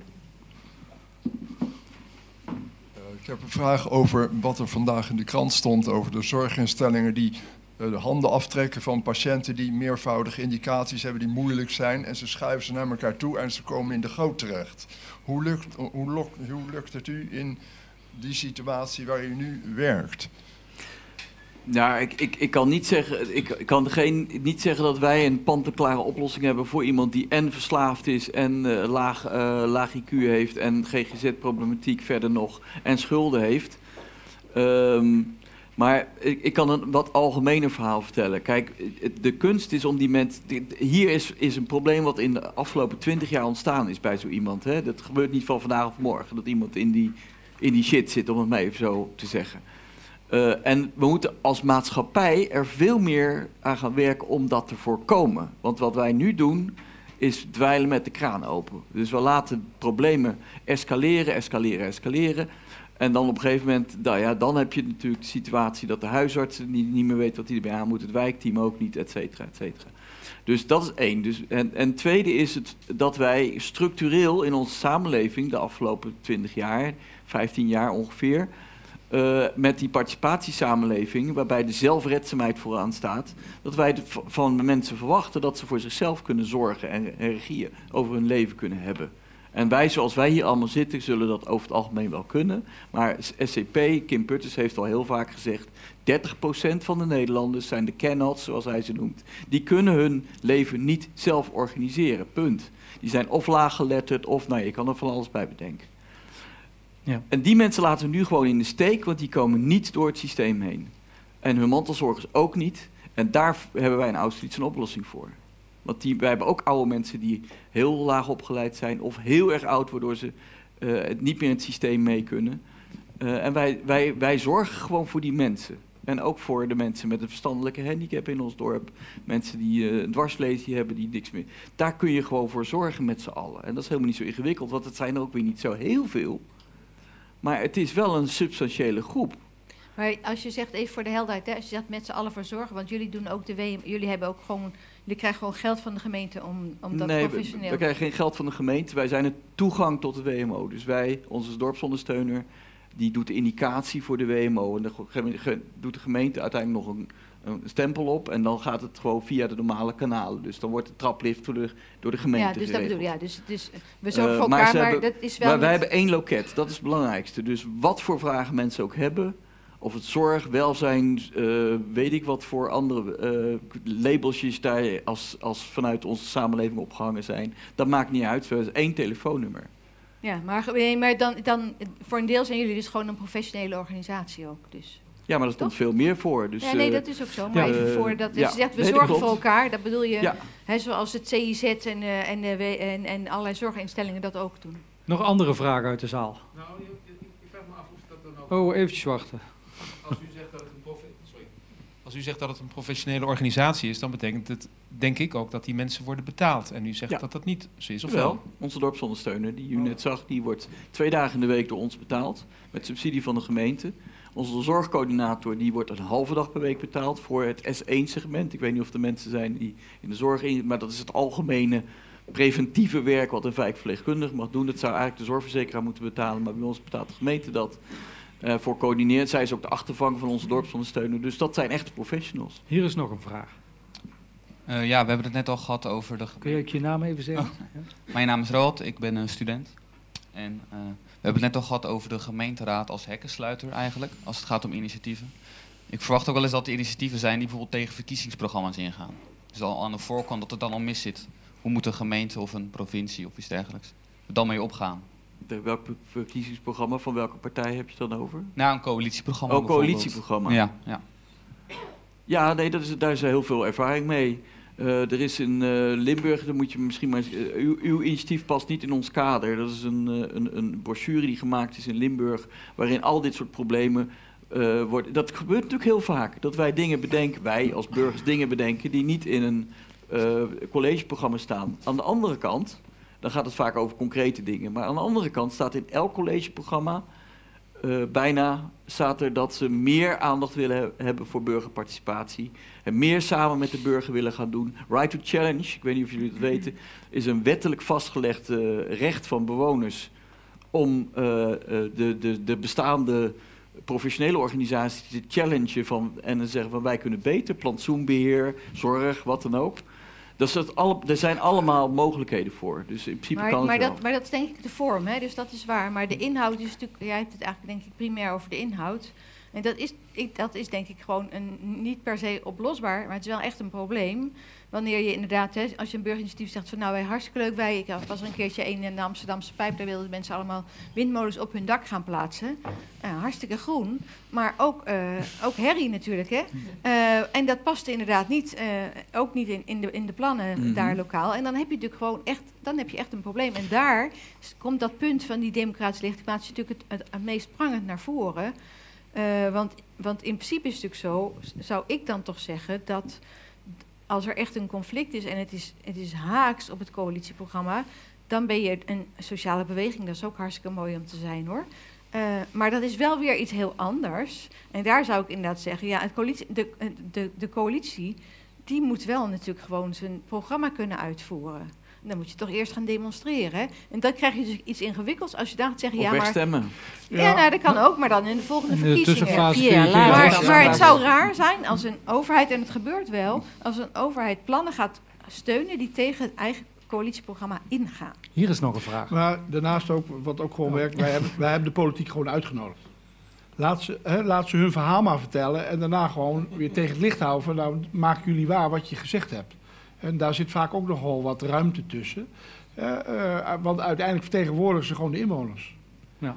Dus uiteindelijk is het ook gewoon heel simpel, gewoon even, eh, eh, ja, even op matje. Hier is nog een vraag. Eh, ja, ik heb eigenlijk nog een vraag. Hoe is je naam? Rutna van Binnenlandse Zaken. Ik heb eigenlijk nog een vraag voor Jan. Eh, Jan, jij triggerde mij, want jij eindigde jou, eerder jouw betoog met... we hebben niet meer zorg nodig, maar minder zorg. Hm. En dat liet je dan open en dan gingen we over op een andere onderwerp. Mhm. Welke Jan, links of rechts? Eh, rechts. Maar, Of zei jij dat ook, dat we Ja. minder zorg nodig hadden? Ja. Oké, hij is wel met me eens, maar ik zei het. Waar- waarom zei je dat? Zei je dat? Nou, ik heb laatst een open brief aan uh, Jet Bussemakers geschreven... waarin ik dat, moet je maar eens proberen om dat terug te vinden. Het zorg, stond op zorgvisie ook. En daar heb ik dat eh, onderbouwd. Maar waar het om gaat is dat, dat wij die zorg... Kijk, wat ik net vertelde, en na aanleiding van de vraag van die meneer... over dat we veel eerder in het proces moeten ingrijpen... waardoor we uiteindelijk veel minder zorg nodig hebben. En daarom zeg ik, we hebben niet meer zorg nodig, maar minder zorg. We kunnen die meer zorg ook niet betalen met z'n allen. En we hebben ook, en dat is nog belangrijker, de mensen niet om die zorg te verlenen. Dus we moeten echt aan de voorkant zorgen dat mensen veel eerder stadium eh, eh, begeleid worden, opgevangen worden, hun gedrag ook veranderd wordt. Heel veel ziekte komt voort uit, uit, een, uit, verkeerd gedrag, zullen we maar zeggen. Eh, dus daar moeten we volgens mij veel meer tijd, energie en geld in gaan stoppen. Waardoor je uiteindelijk, ben ik ook van overtuigd, is ook op een aantal plekken al bewezen, goedkoper uit bent dan nu. En ook met minder zorg. Maar dat, dat is wel een heel, dat is echt een, een te vrolijk verhaal volgens mij hoor. Preventie is hartstikke leuk en goed, gewoon omdat je daarmee problemen kan voorkomen. Maar ten eerste is het vaak zo dat preventie, als, eh, dat, eh, voor een deel betekent dat ook beter gaan kijken en dan zie je meer. Dat is dus nu wat met sociale wijkteams is gebeurd. Er zijn allerlei problemen die nog in stilte bestonden, waar je dan dus nu juist eh, eh, meer zorg voor nodig dat hebt. achterstallig onderhoud, wat dus- ja, maar, ja, maar het, en het andere is bijvoorbeeld als je zegt van we hebben meer, we, hebben, we gaan allerlei dingen voorkomen. Het grote probleem natuurlijk als het over zorg gaat, is een naderende, steeds aanzwellende golf van dementeren, waar ik ooit zelf toe ga behoren. Ehm, maar die mensen, daar helpt geen lieve moeder met preventie tegen. Dat gebeurt gewoon. En mensen worden gewoon oud en krakkemikkig. En daar helpt ook niks tegen. En mensen worden ook nog wel eens gehandicapt en ze krijgen ongelukken. Dus ik, daar, zou ik me, daar heeft echt niet zoveel zin om je daar ermee rijk te gaan rekenen, volgens mij. Nou, ik ben ervan overtuigd dat het wel zo is. In het kiesitaal in Duitsland hebben ze al 20% op de kosten bespaard door voor, gewoon veel meer aan de voorkant te gaan doen. En natuurlijk 80% hou je over. Maar als wij 20% kunnen besparen in plaats van naar een verdubbeling gaan, wat de RIVM voorspelt, dat we naar 174 miljard gaan, we zitten nu op 88 miljard, dat is waar we het over hebben. Aan kosten. Maar er komen ook heel veel oude mensen bij. Dus dat is ja, dus we moeten zorgen dat we niet naar de 174... Oké, punt gemaakt. Hier Dat is... worden. Mag deze oude even wat zeggen dan? Ja, Eh, deze heb je, eh, denk ik, alle twee wel gelijk. Eh, je kunt aan de ene kant kun je werken aan de, voor, aan de voorkant. Dus bepaalde dingen voorkomen. Dat de mensen in armoede zijn. Dat ze het huis uitgezet worden. Want dat geeft ook wel veel. Eh, wat wij, wij zijn met een brede basisteam bezig. Dat wil zeggen dat alle disciplines, maar zowel zorg als welzijn, op één hoop gegooid wordt. Dat geldt wordt, ze worden gewoon voor die tijd. Ze zijn niet meer in dienst bij. Ze zijn in wezen wel in dienst, maar ze worden betaald door de gemeente. En dan wordt gekeken. We kennen welzijn op recept. Dat mensen Ja, huisartsen. en huisartsen kunnen doorverwijzen. Die mevrouw of meneer is niet ziek, die mist iets anders. Dat is aandacht of dat is eh, op een andere manier. Dat een, een wijkverpleegster niet meer gaat zeggen: je krijgt eh, psychologische hulp van eh, Pietje Puk en weer een vreemde. Nee, die wijkverpleegster blijft dat gezicht voor die cliënt. En dan ben je dus achteraf de zaken aan het doen. Nou, daar zien wij veel heil in. En ja, we krijgen heel veel ouderen. Ik ben het helemaal met je eens. Die een ongeluk krijgen of eh, jongeren een ongeluk krijgen, dan heb je die zorg gewoon keihard nodig. Maar dan moesten wel, en dat kun je wel aan de voorkant doen, dat is dan toch zorgen dat je in je eigen stadsdeel die zaken hebt waar ouderen die dement raken niet buiten Nijmegen geplaatst moeten worden, maar in hun eigen stadsdeel kunnen blijven. Want wat, wij zien is dat ouderen, een, een, een hoogbejaard eh, echtpaar, een van de twee die wordt, eh, eh, wordt ziek, die wordt ergens in Groesbeek neergezet of buiten Nijmegen neergezet en we hebben slechte verbindingen zodat de andere daarheen kan gaan. En dan zeggen wij, dat is aan de voorkant kunnen verzorgen om in je eigen stadsdeel die voorzieningen te hebben, dat die mensen kunnen blijven.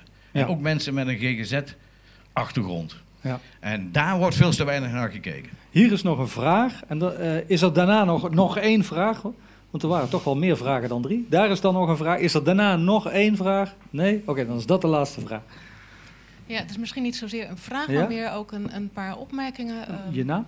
Oh, sorry, ik ben Alice Koenen. Ehm, eh, ik ben hier van- vanuit mezelf, vanuit een, een bedrijf, maar ook vanuit een burgerinitiatief. Ehm, dat is eigenlijk ontstaan doordat ik ehm, na een scheiding in sociale woningbouw terecht kwam en eigenlijk allerlei problemen eh, in mijn eh, bord geschoven kreeg door het systeem. Ehm, door, hè, door, door de manier waarop ons systeem in Nederland is geregeld, kwam ik eigenlijk in de schulden terecht. Eh, terwijl ik gewoon aan het werk was als ondernemer. Maar daarnaast ook alimentatie kreeg en huurtoeslag omdat ik in sociale woningbouw werd gestopt. Terwijl eh, de huur van de sociale woningbouw eh, hoger was dan de, eh, de, de bruto hypotheek zelfs van de woning waar ik uit moest. Dus ik, ik vind het systemisch vind ik dat er echt heel erg veel mis is in Nederland. Ehm, en dan aan te haken op wat er net werd gezegd, de zorg voor de mensen. Hè, ik, ik spreek ook niet meer van helpen, ik spreek van ondersteunen. Want ja, mensen zijn niet te helpen in het systeem. Mensen kunnen echt alleen maar voor zichzelf opkomen en gewoon gaan zien wat er aan de hand is en wat er nodig is. Dus ik spreek eigenlijk vooral van ondersteunen. Ehm, even denken hoor. Ehm, dan ben ik mijn draadje kwijt. Ehm, maar goed, ik wilde met mijn initiatieven eigenlijk gewoon in een wijk mensen ondersteunen door Mm. gewoon de buitenruimte op te knappen. En middels eh, het leggen van contact eigenlijk ook al die andere dingen gewoon gaan zien. En, en zorgen voor haakjes naar andere organisaties. Daar begint het vaak al mee. Ja. Dus vooral vooral Dus, maar goed. gehoord worden. Ik krijg geen Ja. ondersteuning vanuit de gemeente. Dat is het Eh, en ik, ik vind het echt, ik ben nu drie jaar bezig. Eh, nou, ik zit zelf als bewoner in sociale woningbouw. Ik heb nul financiën, zeg maar, eh, hè, bij me. Dus ik kan het niet zomaar zelf dragen. Ik heb twee puberkinderen. Dus ik vind het gewoon zo enorm frustrerend dat er gewoon eigenlijk gewoon geen eh, basis wordt gegeven om, om jou die mooie projecten te laten ontwikkelen. Ik vind het gewoon eh, ook schokkend gewoon. Sorry, even wachten. Ja, maar goed, je kan Ja. alles tegelijk. Maar- Sorry. Ja? Even een reactie. Ja, nee, eh, dat werd natuurlijk al eerder aangekaart, het werken met sociaal werk. Toevallig eh, ondersteun ik burgerinitiatieven, dus vandaar dat mijn... eh, dat inderdaad soms met het welzijnswerk samen eh, werken en eh, nou ja, met meerdere mensen een groep vormen, vallen er weer op andere manieren subsidiemogelijkheden krijgen. Verder ben ik het mee eens dat er soms eh, inderdaad niet altijd even, even makkelijk gemaakt wordt. Eh, zowel voor denk ik de sociaal werkers als de burgers. Als, want er wordt natuurlijk heel veel bezuinigd sowieso binnen het sociaal werk. Ja, en daarmee zit je natuurlijk ook op die, die twee logica waar we het net over hadden. Eh, enerzijds de, de ambtelijke logica die ook voor gelijkheid staat en ze af moet wegen. Maar dan krijg je eh, ja, maar, maar een beetje meer gevoel is wel, wel handig zo hier en daar. Er was nog één vraag hier. Kom je onder- daar ook even bij mij langs? Want ik heb nog wel tips voor je. ja.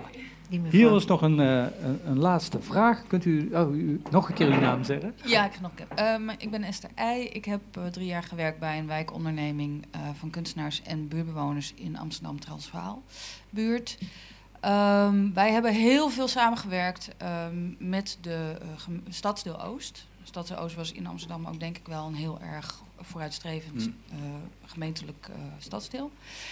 Ehm, het, ik ben geïnteresseerd nog even bij, bij jou, Evelien, bij jouw verhaal over die paradox tussen die participatielogica en die bureaucratielogica. Waar ik heel erg bij aansluit, is dat eerder dat gesprek te gaan voeren vanuit dat wederzijdse respect voor die rollen.